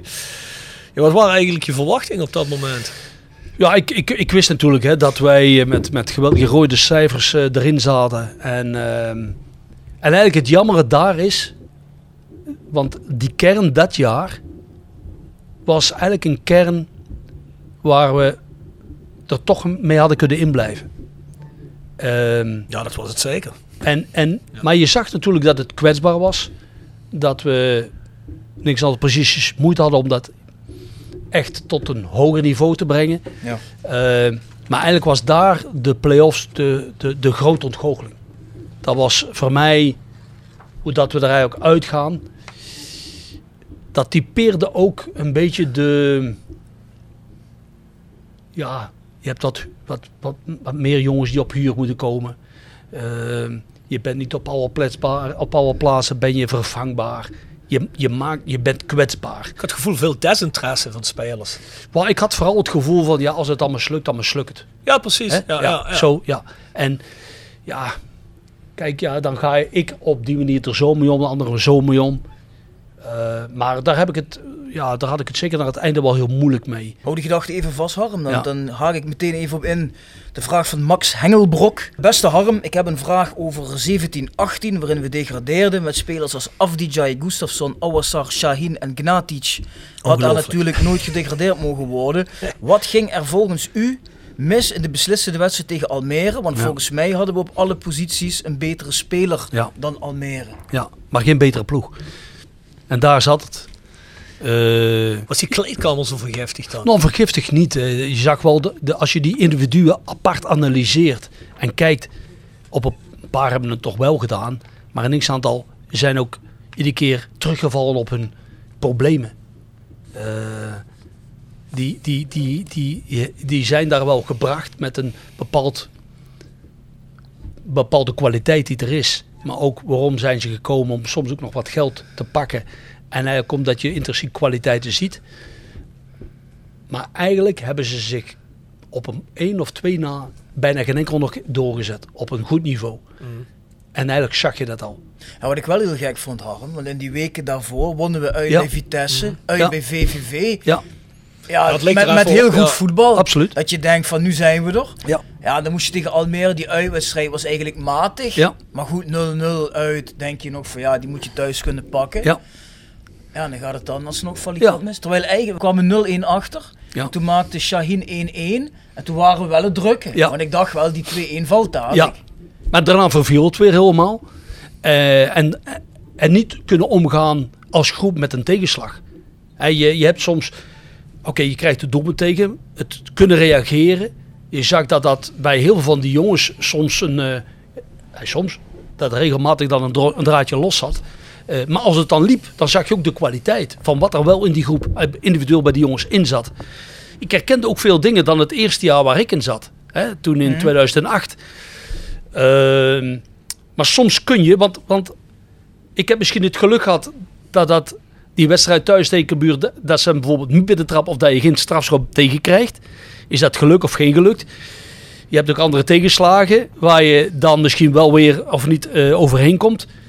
Maar daar zat het ook helemaal niet meer mee. En krijg je eigenlijk een, een, een, een tik die misschien vroeg of laat dan wel eens kan komen. eh, maar die je niet meer kunt herstellen op dat moment. En dat blijft voor mij een ongelooflijk moment van ontgoocheling. Ik begin er net zelf over. Die wedstrijd, daar had ik hetzelfde gevoel wat jij nu zegt. Ja, die, die, hadden wij, die hadden wij eigenlijk moeten winnen. Die hadden we eigenlijk gewoon moeten winnen. En dat hebben we niet gedaan. En eh, ja, dan is het incasseren met de gevolgen van dien. Maar wa- was je daar toen op dat moment ook heel, laat ik het zo zeggen, negatief verrast dat we die verloren? Of had je daar van tevoren, Ja. die groep kennende, toch al een beetje angst voor gehad? Ja, ja ik, had, ik had altijd wel angst omdat ik wist van als deze groep met een tegenslag, eh, eh, als, die, als die daarmee geconfronteerd wordt, dan hebben die daar enorm veel problemen mee. Dan zie je eigenlijk bijna dat het eh, in één keer al de groepsopdrachten verdwijnen en dat iedereen in zijn eigen individu gaat kruipen. En dan kom je daar niet uit. Dan kan er wel nog eens een flits gebeuren, maar dan gebeurt het bijna nooit niet meer collectief. En dat heb je altijd nodig. Eh, Want als iemand is een fout, maar moet het andere corrigeren. Nee, dan zou die ander zeggen, ja, los hem maar op. Ik, Ja, wacht, ik wacht op mijn moment. En dat is verkeerd. Want wij hebben natuurlijk met Rode die play-offs best wel vaak gewonnen. Ja. Maar ik, wat ik me daarna bedacht is, heel vaak hadden wij toen zoiets van, oh, als dat maar goed gaat. Ja. En een beetje angst. En juist dat jaar had iedereen zoiets van, Ja, "Wauw, het gaat wel we goed." hebben bij VVV gewonnen, bij Vitesse. We hebben Shaheen, eh, Afdijay, Ja. Makki. En dan gaat het net mis. Nee, nee, maar Maar dat, zei de ploeg zelf ook. Hè. Je had constant zo mensen zoals een Shaheen, als hij aangesproken werd door sports. En die zei van ja, eh, hè, degradatie. En dat. die zei nee, dat komt wel goed. ja, ja. Ah, ja. En dan denk ik van ja, dan heb je misschien wel... Misschien geloof je dat ook wel ergens, maar er spreekt weinig urgentie uit. ja, dat is waar. Hè? En ik begrijp dat ook niet. En dan heb je zo'n jongen zoals die Afdijay, die zakte ook op het einde die laatste drie, vier wedstrijden ook compleet weg. Ja, Maar dat was sowieso een beetje eh, een, baasje met... eh, ja met- absoluut. maar Ja, ja. hoe kan dat nou? Ik heb die een beetje geprobeerd te volgen door de tijd. Want hij had ook onafvolgbare acties. En je dacht van, wauw, wat hebben we nu binnengehaald? Die jongen gaat het verschil maken. En dan hoopte je dat hij kon blijven op het einde van het seizoen. En nu speelt hij volgens mij op Cyprus of zo. Speelt hij ergens? Of Ja, hij is nog even bij, bij Emmen geloof ik beland. Ja, bij? Emmen is hij geweest. Hij is van Emmen naar, Malta of naar Cyprus gegaan nu. Ja. Hoe kan het dat die jongen overal mislukt hadden? Is dat iets in zijn houding of wat is Nou, dat? nee, dat- dat Praatjesmaker? Nou, nee, dat niet. Die, dat, zijn, dat zijn jongens die eigenlijk eh, gewoon van dag tot dag leven. En die gewoon eh, vanuit gaan, ik heb talent. En ik laat het dan wel zien. Dus ik ben niet zo streng Het op mij. komt wel. Het komt wel. En eh, waarom zit jij mij dingen te zeggen wat ik moet doen? Ik ben, ik ben toch goed genoeg? Ja, dan wordt het nooit beter. Nee. En, en dat zie je ook vrij snel. Je hoopt dat ze dan, zeker toen die bij ons kwam, nog jongens, dat je de klop omdraait. Maar daar zag je ooit al van te laat komen. Eh, of, dingetjes die te gemakkelijk zijn. En soms krijg je dan wel jongens wat, wat, dat je wat grip krijgt. En dat het verandert. Maar je ziet ook bij sommige jongens ja, dat die gewoon terugvallen iedere in eenzelfde problematiek. En dan zie je ze zo wegleiden. Want daar ook die jongen die, die kan eigenlijk gemakkelijk op een veel hoger niveau. Maar door het feit dat, dat ze zich moeten ja, verzorgen, dat ze zich in een systeem moeten eh, eh, inspelen. Ja, daar, daar zijn die jongens niet mee bezig. En dat, dat is dan wel jammer. Die hebben dus ook niemand in de begeleiding om Veel zich heen. weinig. Dat is dikwijls een groot probleem. Dat ze eigenlijk eh, in, in, in een vriendenkring zitten. En daar in de king zijn. En daar wat centjes verdienen. En dan wat mensen onderhouden. En dan zijn ze natuurlijk populair. En iedereen vindt hun de beste. Zolang hij ja. natuurlijk blijft geven en, en, en uitdelen. Maar ja, Dan later... krijg je ook egootjes, hè? ja, en, En, en, je- en je ziet ook deze jongens ook dikwijls ook eindigen in de grootste miserie. Want die draaien er ook alles door. Die, die, die hebben ook eigenlijk weinig toekomstperspectieven. Ja, ook als je, als, je, als je goed bent, dan heb je veel vrienden. Eh, maar daarna zie je dat ook allemaal wat verdwijnen. En dan, ja, dan, is, het, dan is te zien wat ze, wat ze daar nog aan wil of kunnen veranderen. En ja, dat, maakt dat maakt hun kwetsbaar. Dat, dat is jammer dikwijls. Ja, want dat zie je. Hoe heet die jongen nou die vorig jaar in de spits stond voor hen? Vorig jaar. Ja. Die eh, van Chelsea gehuurd was. Oh, Oekbo. Oh ja. Obo. Die zit Ja, bij eh, ja, nu. Zijn nieuwe Cercle had gezien, ja. En want die bijvoorbeeld, hè, die werd heel intensief begeleid door Chelsea. Maar als je dan kijkt naar zo'n Afdijay, die werd gehuurd van Schalke. En die hebben ze volgens mij compleet losgelaten. Want Hé, maar die Oekbo staat of- er waarschijnlijk ook voor open. En een afdeling Nee, dat bedoel denk ik ik niet. Maar wat ik daarmee wil zeggen is dat waarschijnlijk Schalke al zoiets had van dat is een lost cause, jongen. Dat ze hem misschien ook een beetje ja. los hebben gelaten. Denk Nou, ik, nee, ik, ik Ja, denk dat er twee dingen zijn. Kijk, die jongen die heeft op zijn 16 al een ongelooflijk contract gekregen. Dan zie je ook dat ze daar hun best voor willen doen, maar dat het iedere keer... Ja, want die was op de transfermarkt en dat was de reden waarom wij bij Roda allemaal dachten als fans, wat de fuck komt hij hier doen? Ja, ja. Want die jongen die was geloof ik in Duitsland geschat op 20 miljoen transferwaarde Ja, ja, of zo. Hè, die was al jeugdinternet, nee, die voor, voor Albanië of zo, geen Albanië, idee, maar in ieder geval, ja. Nee, nee, maar hij was een van de grootste talenten. Ja. Maar hij liet ook mooie dingen zien. Absoluut. Ja, ik bedoel, eh, Maar, hij- maar hij was, hij, als voetballer zei, zei ik altijd, wat, wat hij kon in de actie op alle fronten. Ja, ik kan me nog die wedstrijd tegen VVV uit herinneren, dat was hij subliem. Ja, maar ik heb er ook veel individuele gesprekken mee gehad. En dan was het ook een, een, een, een lieve jongen. Hij was gewoon een lieve jongen. En, en dan dacht ik ook, als ik nu trainer was, hè, dan zou ik er dat en dat mee gaan doen. En elke dag confronteren. Maar, maar, maar ja, ik, ik had het gevoel van... En hij heeft ook misschien met andere jongens te maken in de groep. Hè, die hem ooit te weinig aanspreken. Of die hem eh, dan op een manier benaderen dat hij weer zich... Dat is constant een spel. Ik, ik, heb, ik heb ook conflicten meegemaakt met, eh, met Castro of Hadouier. Of, eh, ik bedoel, Ja, dat, dat hoort er ook soms, ja. dat hoort Ja. er soms ook wel eens bij. Maar het is wel hoe dat we dat met elkaar verwerken. En hoe dat we dat wel in de groep dan ook aanpakken. Ja, daar moet je soms voorbeelden voor stellen. Maar uiteindelijk moet die groep er sterker voor worden. Uiteindelijk moet dat gaan gebeuren. En dat het respect er is. Maar ik heb er geen eh, moeite mee als er eens iemand eens kwaad wordt op een ander. Oh, ik vind dat, dat moet ook eens kunnen. Dat zijn de dingen die, die je moet trachten uit te werken. En dan het individu natuurlijk proberen zover te krijgen. Dat hij ook dingen gaat verbeteren aan zichzelf. Even daarop inhaken, Harm, wat je net zegt. Daar krijgen we een vraag over van Marcel Klomparens, een rode supporter uit Oostenrijk. En die zegt, ja Harm, jij bent zelf een, een hele nette, beschaafde man. Heb je niet soms genoeg van het voetbalwereldje, wat toch eigenlijk best een beetje een asociaal wereldje is? Kijk, er zijn wel eens momenten eh, dat, dat, dat, dat ik wel eens, eh, ook wel eens denk van... Oké, wat doe ik in deze wereld? Ik denk dat we dat al, al, al- allemaal wel eens over bepaalde dingen nadenken van... Ja, wat wil ik? Hè? En tot hoever wil ik gaan? Eh, in mijn keuzes die ik heb gemaakt, komt dat ook wel een beetje terug. Hè? Dus je wordt speler, je wordt trainer. Ik had misschien nog trainer kunnen zijn, maar ik heb daar ook altijd graag gekoppeld aan bepaalde ambities, bepaalde waardigheid. Ik ben niet zo iemand die van, van jaar tot jaar ergens anders kan werken. Ik voel me dan zo bijna gebruikt. Ik voel dan, ik, ik heb graag met bepaalde clubs een binding waar ik zeg, kijk, ja, dit, dit hebben we samen gedaan. Ehm, sommigen zetten dat gewoon met van en af. Die vertrekken ergens en die gaan daar aan de slag. Ik vind het altijd moeilijk. Ik blijf altijd eh, dingen eh, eh, bekijken, opvolgen, omdat dat effectief een deel van mijn leven is geweest. Waar ik ook fier en trots op ben. En dan vind ik ook die stap die ik daarachter maak ook heel belangrijk. Hoe dat ik die weer maak. Daarom ben ik ook weer in deze rol gekomen. Als technisch adviseur of op pad met voor algemeen beleid. Soms eh, had ik wel eens het gevoel dat ik eer betere sociaal, eh, eh, sociaal, Sociaal werknemer was geworden.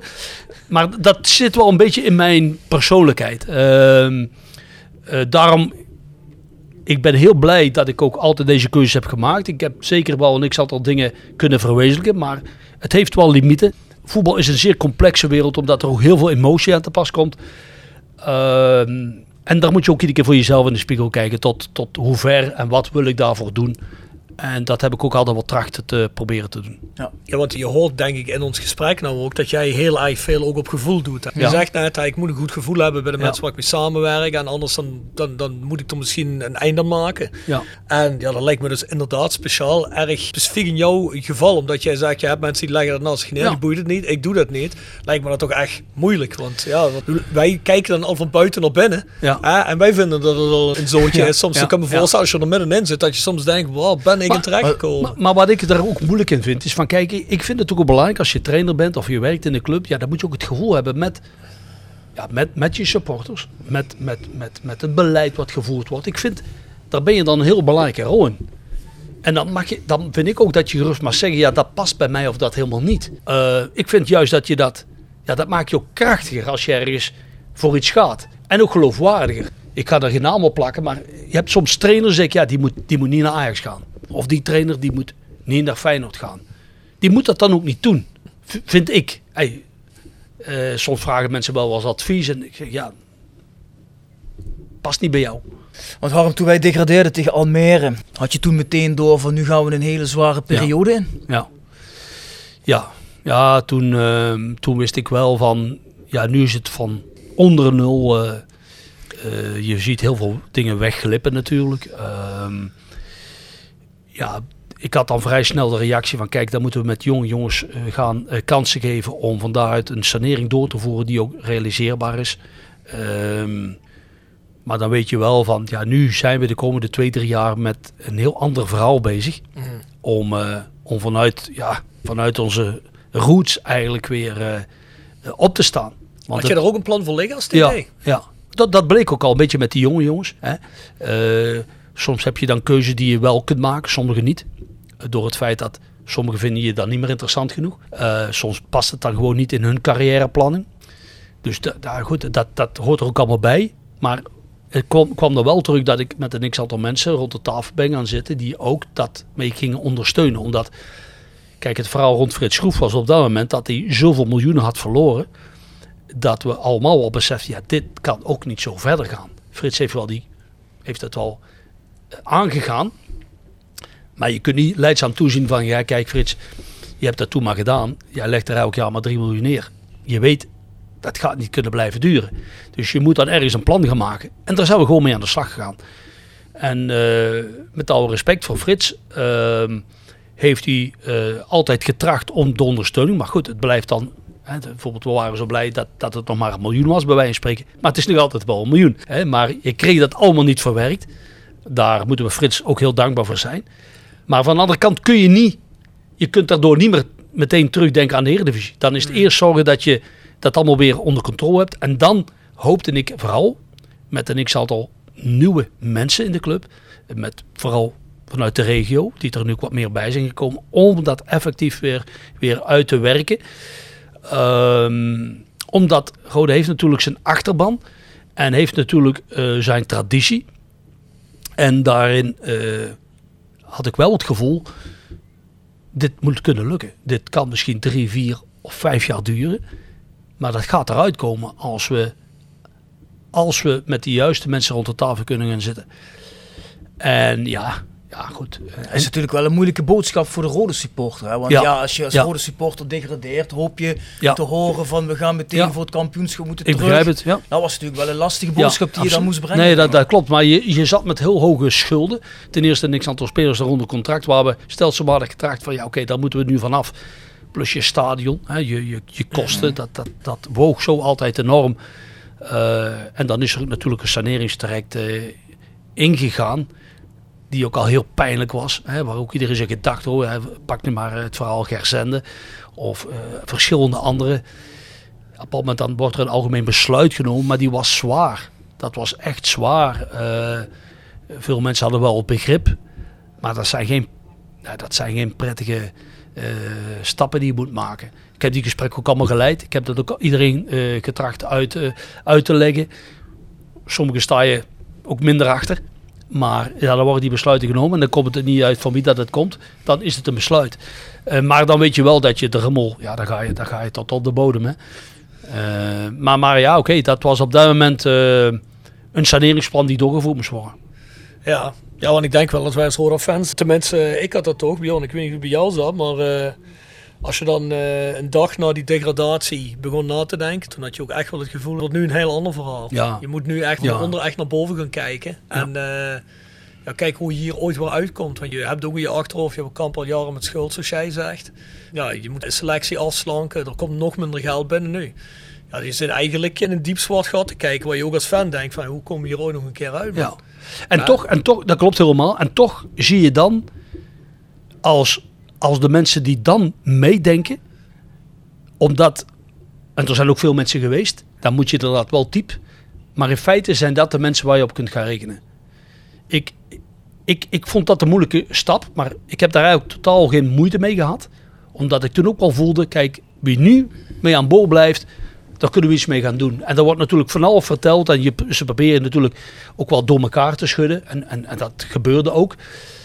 Maar toch zijn er... je, hoe bedoel je? Hoe bedoel je? Ja, ik bedoel, kijk, die gaat eruit, die gaat eruit. Iedereen vindt waarom moet die eruit. Of eh, die gesprekken die gevoerd, er zijn sponsoren die dit van vinden. Je hebt ook supporters die hier ook Je zien. hebt, wat- je hebt het over de vijfde kolonne. ja, ja. Nee, maar dat, maar je hebt, je hebt ook gewoon de media zelf. Hè, die, die, kijk, op een bepaald moment stonden wij zevende, achtste, negende. Ja, ploeg die gedegradeerd is. Op zich was dat helemaal nog niet zo verkeerd toen. Maar, ja, het stelt ook geen bal voor.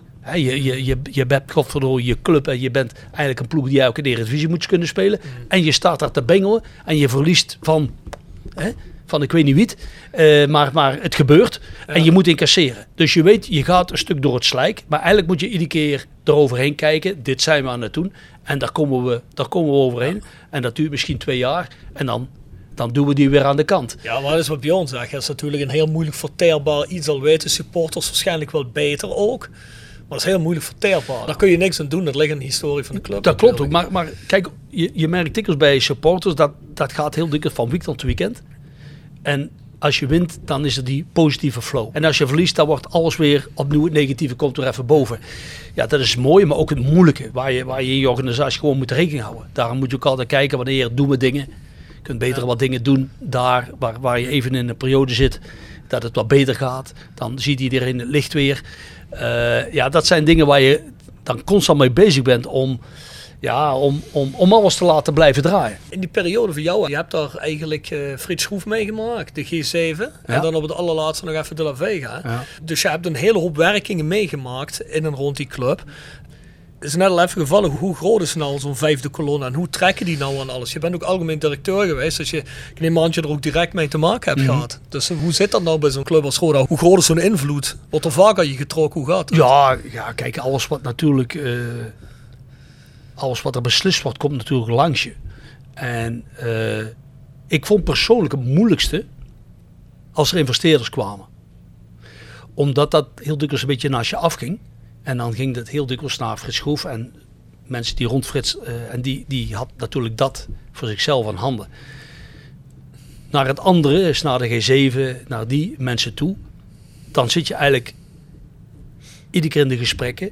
En dan word je meegenomen in het verhaal wat mogelijk is, waar je naartoe kunt werken. En op zich is dat eigenlijk allemaal wel redelijk gelukt, redelijk tot goed gelukt. Alleen merk je ook wel dat je met heel veel mensen in contact komt die vanuit het bedrijfsleven komen, die in de voetbalwereld willen stappen. En eigenlijk dat met, die- De ballen verstand van hebben. ja, eigenlijk wel. Ja, die ook op andere manieren, Ja. andere dingen, er veel verstand hebben. Maar natuurlijk, die na een maand of drie, vier, vijf. Harm, dat, dat is toch niet. eh, nee, dat is niet niks. Ja, dat is ongelooflijk.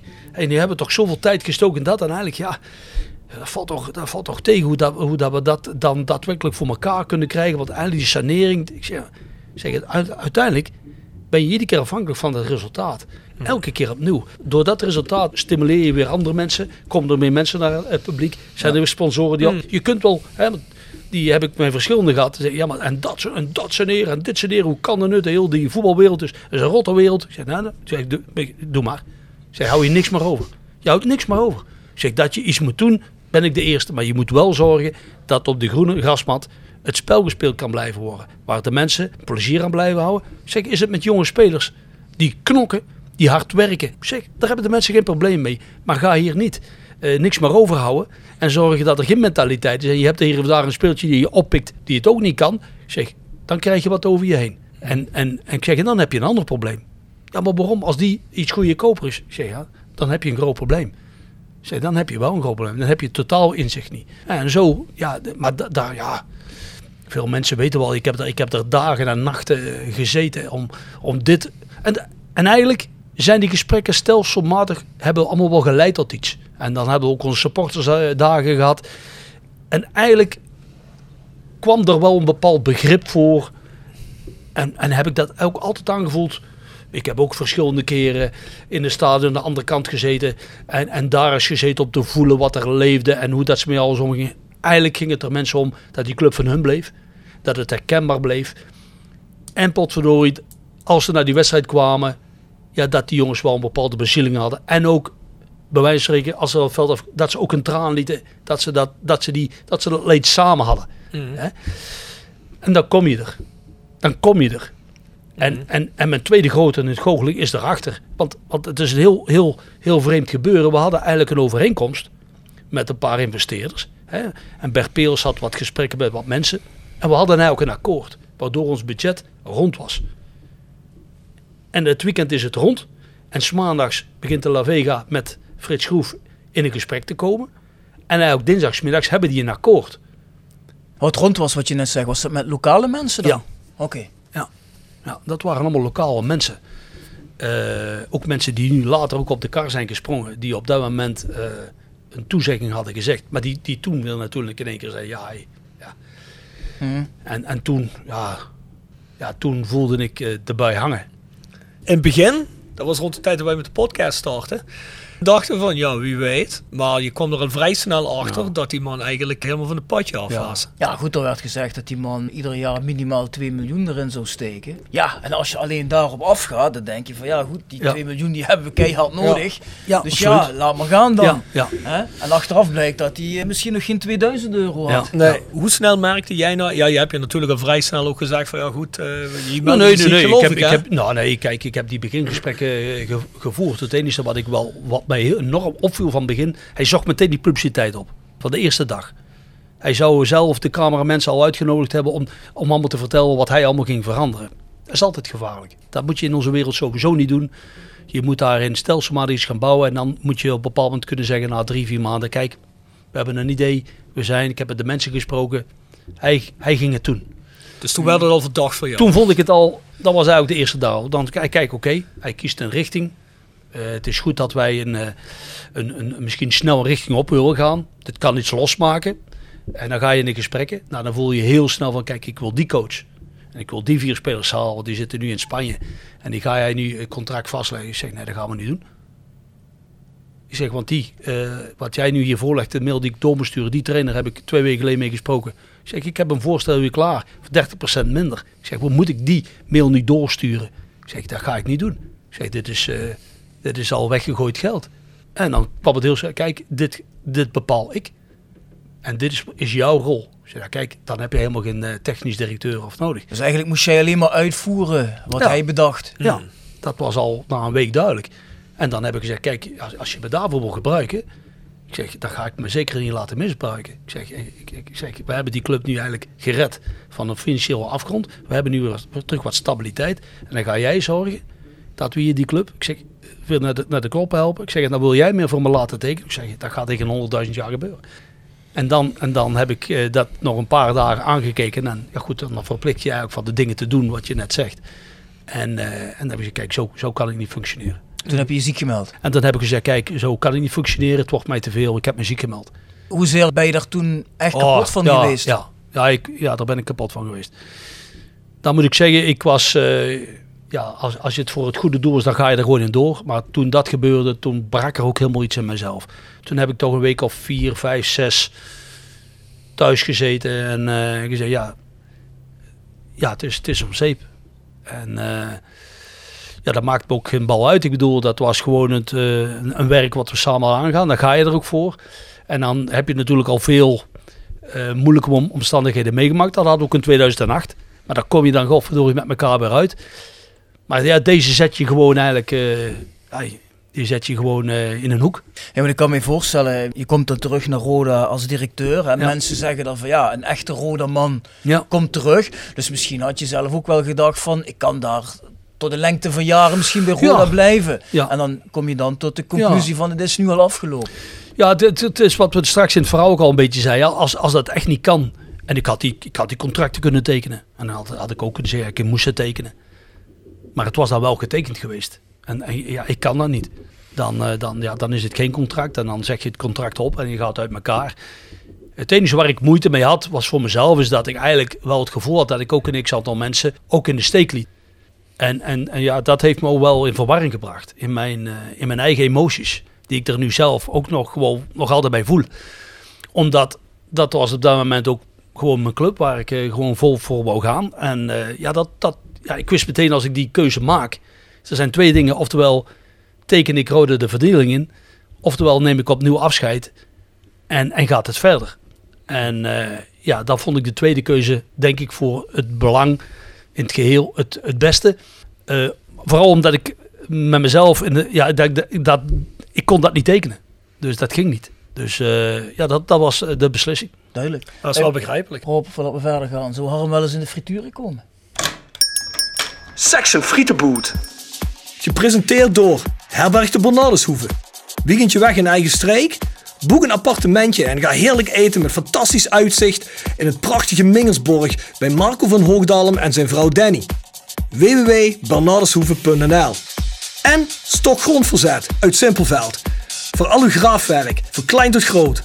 Onze gravels staan voor u klaar. Tevens worden we gesteund door Wiert Personeelsdiensten. Ben je op zoek naar versterking van je personeel?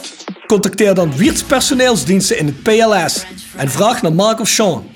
www.wierts.com Tuurlijk wel. Ja? Tuurlijk, ja, ik, hoe tuurlijk. laat is het eigenlijk? Denk je? Ja, het is nu eh Ben je dan? 12 uur. Nee, maar ik moet daar ook echt door hoor. Ja, Ja, sorry. Ja, ik moet.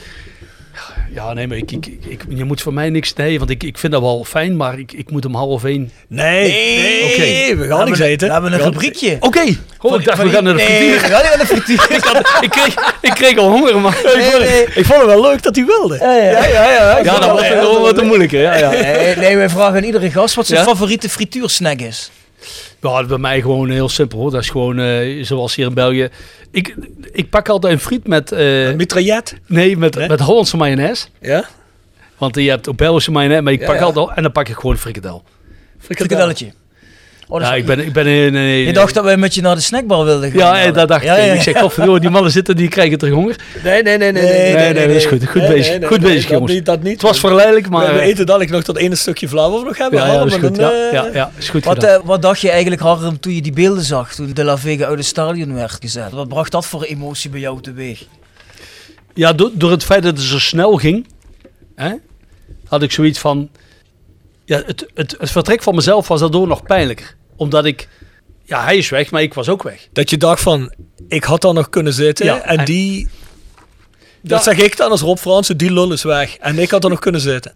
Ja, dat, ja, je- ja, nee, maar dat is zo. Je hebt, je hebt eigenlijk... Ja, je hebt, je hebt het werk niet kunnen, kunnen afmaken. eh, Ja, ik begrijp het wel. En ja. En, en ja, dat was voor mij een dubbel gevoel. Ik, ik was blij dat hij weg was. En op dat moment toen hij weg was, had ik het gevoel... Rode kan weer verder. Dat was mijn eerste gevoel. En, en mijn tweede gevoel was eigenlijk... Ja, jammer. Hè, want daar had ik eigenlijk altijd nog wel graag bij gehoord. Maar was je toen al bij Lommel? Ja, Ah, oké. ik was al bij Lommel. En ja. ja, goed, ik had met heel veel nog contact. Hè. Ik, heb, ik, nog, ik heb met heel veel telefonisch contact eh, met, met mensen die er nu nog werken. eh, over hoe dat het gaat, of hoe dat ze zich voelen. Of, ik vind het ook belangrijk, ik bedoel, je bent wel weg, maar dat wil niet zeggen dat je de, de mensen, want ook de mensen die, eh, die moeilijke periode daar zaten, ja, die hebben ook allemaal wel afgezien. Dus eh, ik had altijd wel een gevoel met iedereen. Met Pascal Hermans of, of, of Nancy eh, of, of, of, of bij de mensen van de jeugd. eh, ja, die hebben ook allemaal. ja, die hebben ook allemaal een gevoel gehad eh, met, met, met, met de omstandigheden waar ze mee constant van links en rechts werden gegooid. Mhm. Dus ja, je speelt wel veel met gevoelens van mensen. Heb ik nog een laatste vraag, Harm, van Sean Krings. Die wil graag van jou weten of er iets is wat jij jezelf verwijt in die laatste periode bij Roda. Verwijt is eigenlijk. Ja, verwijt. ehm, dat is een moeilijke. Ik heb, ik heb, ik heb vooral twee momenten die, ik, eh, die, die, die, die gevoelig liggen. Dat is die degradatie. En dan is het inderdaad eh, de La Vega. Ehm, ik heb in alle twee altijd wel een aandeel gehad. Maar ik denk niet dat ik de omstandigheden daarin veel had kunnen veranderen. Misschien komt er ooit een moment zoals de degradatie dat je daarin wat meeval hebt. Dat, dat het ergens ook eens een keertje tegen zit. Dat we dat daar wel hadden. Het tweede waar ik heb... Waar ik, het enige wat ik heb tegen Frits Schroef gezegd... Toen hij mij belde van kijk Harm de deal is rond. Dat ik heb gezegd Frits, staat nu alles op papier. Ben je van alles zeker? Dat Frits tegen mij zegt, is allemaal bekeken Harm. Dat is allemaal in orde. Oké, dan is het wat jij, wat jij beslist. En daar heb ik nog wel eens een moment van. Het was niet in orde. Het was niet in orde achteraf. Had ik daarin toch wat brutaler moeten zijn. En Frits, dan ga je, ik wil, ik wil afwachten. Ik wil eerst voordat de toetreding is, dat we dat eerst eens helemaal bekeken hebben. Laat mij dan ook eens zien. Daar heb ik wel eens een paar keer door mijn hoofd eh, gegaan. Maar goed, je, je, je, ja, het waren natuurlijk zijn aandelen. Hij doet ermee wat hij wil. Had ik het anders kunnen veranderen? Misschien ook niet. Ja, want dat, vraag ik me namelijk af. Want ik denk dat Fris Schroef ook wel bij zichzelf... Hij heeft er ook mensen zitten hè, die hem Ja. adviseren. Niet voor de een of de ander, maar dat zijn wel mensen die weten allemaal wel waar ze mee bezig zijn. Ja. Dus als het niet klopt, dan wordt er moedwillig gezegd dat het wel klopt, terwijl het misschien nog niet klopt. Ja. Dus kun jij dat dan veranderen? Ik vraag het me af. Nee, Maar- nee, dat is waar. Nee, maar daar heb je 100%. En, en heb ik ooit Frits er iets in verweten? Nee, nooit. Ik heb Frits nog een paar keer ook gebeld. Gewoon, gewoon uit dankbaarheid en aan wat hij ook heeft gedaan. En, en ja, eh, ik denk mensen daar rond, eh, die mogen wel eens nadenken. Hoe dat zij Ja. Frits eh, misschien toch bepaalde problemen hebben eh, eh, bezorgd. En natuurlijk is dat er nog een keuze van, van hemzelf. Dat is ook altijd zo. Maar ja, dat zijn, moeilijke, dat zijn de moeilijke dingen die, eh, ja, die soms wel eens ook tegen kunnen zitten. Wat, wat hier ook is gebeurd. Ik krijg tot besluit wel nog één leuke vraag binnen. Die wil ik Harm toch nog stellen. Van Luc Spiegels. Beste Harm, wat maakt Roda in vergelijking tot andere clubs uniek? Goh, ja, dat is een goeie. Ik, ik merk daar vooral een. Ja. Ik vind dat Roda een ongelooflijke samenhorigheid heeft. Ik vind dat Roda eigenlijk een familieuitstraling heeft. Die eigenlijk eh, staat voor bepaalde kwaliteiten. En ik, ik zie die mensen ook als ik in de ogen kijk, een, ook een bepaalde fierheid die ze hebben om, om die kleuren te, te verdedigen, om die streek te verdedigen. En ja, dat raakt mij altijd. En ik vind dat eh, ongelooflijk. eh, ja, als mensen in mij iets willen raken, is het bij dat. Dus ehm, ja, ik vind dat mooi. En, ehm, en het feit dat nog altijd die rode mensen, als ik nu opnieuw kijk, in moeilijke omstandigheden, hoeveel abonnementen dat, eh, dat er toch verkocht worden bij Roda. Het, is, het siert de mensen. En veel respect voor wat ze ook de laatste jaren hebben. Ook wel een stukje moeten incasseren, maar waar dat ze ook voor staan. En er ook voor blijven gaan. Dus nee, eh, ja, ik, ik werk graag bij dat, voor dat soort mensen. Ik werk graag voor dat soort clubs, omdat ik daar iets, een binding kan creëren. En waar je niet dat coole hebt. eh, ja, wat ik dus straks zei over Brussel, eh, waar ik gewerkt heb. Waar ik zei, ja, we zijn kampioen geworden, maar eigenlijk... Ik moest presteren. Ik moest presteren. Ik heb gepresteerd. En dat zit. Maar ik had voor de rest eigenlijk bij niemand geen gevoel. Eh, dus het was ook helemaal geen moeite voor mij. zeggen, kijk, ik moet nu verder na een jaar. En eigenlijk is dat niet normaal. Je wordt ergens kampioen. Je gaat, bij spreekt al de, al de kantines af die er in het dorp zijn. eh, om plezier te maken. Maar eigenlijk ben ik s'avonds naar huis gereden. Het, het werk was voorbij. We hadden die prestaties geleverd. Maar Roda, daar kom je buiten. Dan wordt dat beleefd, dit beleefd. Ja, dat ademt... eh, dat, dat, dat, dat ademt hun geschiedenis. En dat, dat vind ik mooi. Tikje terug. Gepresenteerd door Van Ooyen Glashandel. Sinds 1937 vervangen en repareren wij al uw glas met veel passie en toewijding. Met 24 uur service. www.vanooyen.com En Quick Consulting. Laat finance waarde toevoegen aan je organisatie. We komen graag met je in gesprek om aan de hand van concrete voorbeelden duidelijk te maken hoe we dit ook binnen jouw onderneming kunnen realiseren. Think win-win, think quick. www.quickconsulting.nl Er is altijd een tikje terug van een vorige gast die een volgende gast een vraag stelt. En ik weet niet of je Joop Dacier kent. Joop Dacier is een oud-keeper van Roda. Ja, uit ja, eh, ja. eind jaren 70, eh, begin Ja. jaren 80. Die doet nu veel voor Roda in de middenmaatschappij. En heeft ook het eh, G-Star team heeft hij gedaan. Dus dat ken je misschien nog wel. Ja. En die zegt, nou ik heb wel een vraag voor Harm. Die zegt, je werkte bij Roda. Als je nu naar het huidige Roda kijkt. Wat vind je er dan van? En wat zijn je tips en suggesties? Als ik nu kijk naar het huidige Roda, zie ik een team dat volledig in ontwikkeling eh, zit. En die eh, in staat is om, eh, om een resultaat te spelen. Ehm, als ik een tip mag geven. Roda heeft dit seizoen tegen de toppers nog te weinig kunnen, kunnen presteren. Ehm, blijf kritisch. Blijf realistisch. En zorg dat je op een bepaald moment kunt meten met dit soort ploegen. En dan ben je ook waardig om de volgende stap te zetten. Vind je mooi advies. Harm ter besluit, voordat we zeggen bedankt en ja, hopelijk tot de volgende keer. Zie je zelf ooit nog eens een keer iets bij Roda doen als de kans zich voordoet? Ja, dat is moeilijk te zeggen. Nu eh, wordt ook altijd. Maar ik, waar je zeker van kunt zijn, is dat ik. eh, Nou, stel in een paar jaar klopt Roda aan en Roda zegt Harm. ja, ik weet even niet wat voor functie, maar eh, Harm... President, zou je Maak- maak het mij niet te moeilijk. Zou je, zou geïnteresseerd zijn? Ja, ik, kijk, Roda, ik heb tegen, en en dat sommige mensen doen dat ook altijd, want ik heb nog regelmatig ook voor mensen die wel eens een advies vragen over dit of dat. Eh, da- en daar begint het ook altijd mee. Ik ga zeker ook nog, nog- ik heb sowieso altijd, en dit jaar nu niet met heel die corona-situatie, ben ik elk jaar een wedstrijd terug gaan kijken. Gewoon uit principe. Ik wil dat gewoon opnieuw, gewoon mijn momenten gewoon weer beleven en zien wat dat mijn gevoel die ik heb, dat ik dat ook iedere keer weer voel. Ehm, en dat gaat ook blijven gebeuren.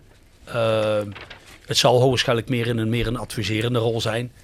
Eh, maar ja, Roda blijft altijd kwetsbaar eh, als, als ze mij iets vragen. Dat is, dat is voor mij toch wel eh, iets wat, wat, wat, wat, wat, wat ik helemaal niet onder stoel of banken wil steken. Ehm, dat ligt nou op mijn hart. En, en dat hoeft niet altijd in een functie. En dat hoeft ook niet altijd over geld te gaan. Dat gaat gewoon. eh, ja, goed, iedereen moet kunnen blijven leven. Maar soms is het ook gewoon. komen dingen uit. En dan doe je dat. En soms doe je dat ook uit vriendschap. En dat zal de toekomst wel uitwijzen. Maar eh, we gaan het blijven volgen. Vind ik een mooi besluit. Zeker weten. Harm, wij willen je hartelijk bedanken voordat je bij ons in de podcast willen zitten. Ik denk een zeer uitgebreid en zeer duidelijk verhaal van Harm over zijn tijd bij Roda. Ik denk dat we nog wel even door hadden kunnen gaan. Ja, Wij moeten ook. naar de volgende en Harm andere dingen. Ja, dat nou, dan laten we dan gewoon besluiten dat we nog een keertje terugkomen. Ja, ja, dat gaan we zeker doen. Je hebt eh, een beetje de gezelligheid ge- gevoeld hier. Ja. Dat, is, dat is ook zo'n club wat, wat, wat, wat ook wel een beetje past in, die, eh, ja, in diezelfde sfeer. Ehm, dus laat het ook op het moment is als er eens een wedstrijd is, laat het ook eens weten. eh, hier dat het dus uitkomt. Als Roda niet eh, thuis speelt, eh, dan ben je altijd welkom. Ehm, goed, en zo gaan we die band ook blijven houden met elkaar. En zo, eh, zo hoort het ook te zijn. Dus nee, ik vond het fijn om, eh, om weer eh, het kerkraads te horen. Hè? Jullie taal, dat is schitterend. Dus ik, ik, ik, ik was weer helemaal, helemaal mee. En eh, dat, dat, dat doet mij plezier dat het eh, op de goede manier eh, de goede kant op gaat. Dus veel succes mee alles. En eh, ik hoop voor de Roda-fans eh, nog veel overwinningen en, en weer snel eh, te terugkeren naar, naar de top. Bedankt, dan wensen we jou ook met Lommelen. Ja, zeker weten. Hopelijk eh, kunnen jullie promotie halen. Ja, goed, wie weet. Maar we zullen zien. Top, dankjewel Harm. De sponsoren nog heel even kort. Begin jij maar. Jegers Advocaten. Nextdoor Kapsalon Nagel en Beauty Salon. Hotelrestaurant de Veilerhof. Herberg de Bernardeshoeve. Noordwand. www.gsrmusic.com. Stokgrondverzet. Rapi Autodemontage. Van Ooije Glashandel. iPhone Reparatie Limburg. Quick Consulting. Willeweber Keukens. Wiertz Personeelsdiensten. Fendo Merchandising. Sky Art. En het Nederlands Mijn Museum. Dat was hem. Tot volgende keer. Doei. Tot ziens.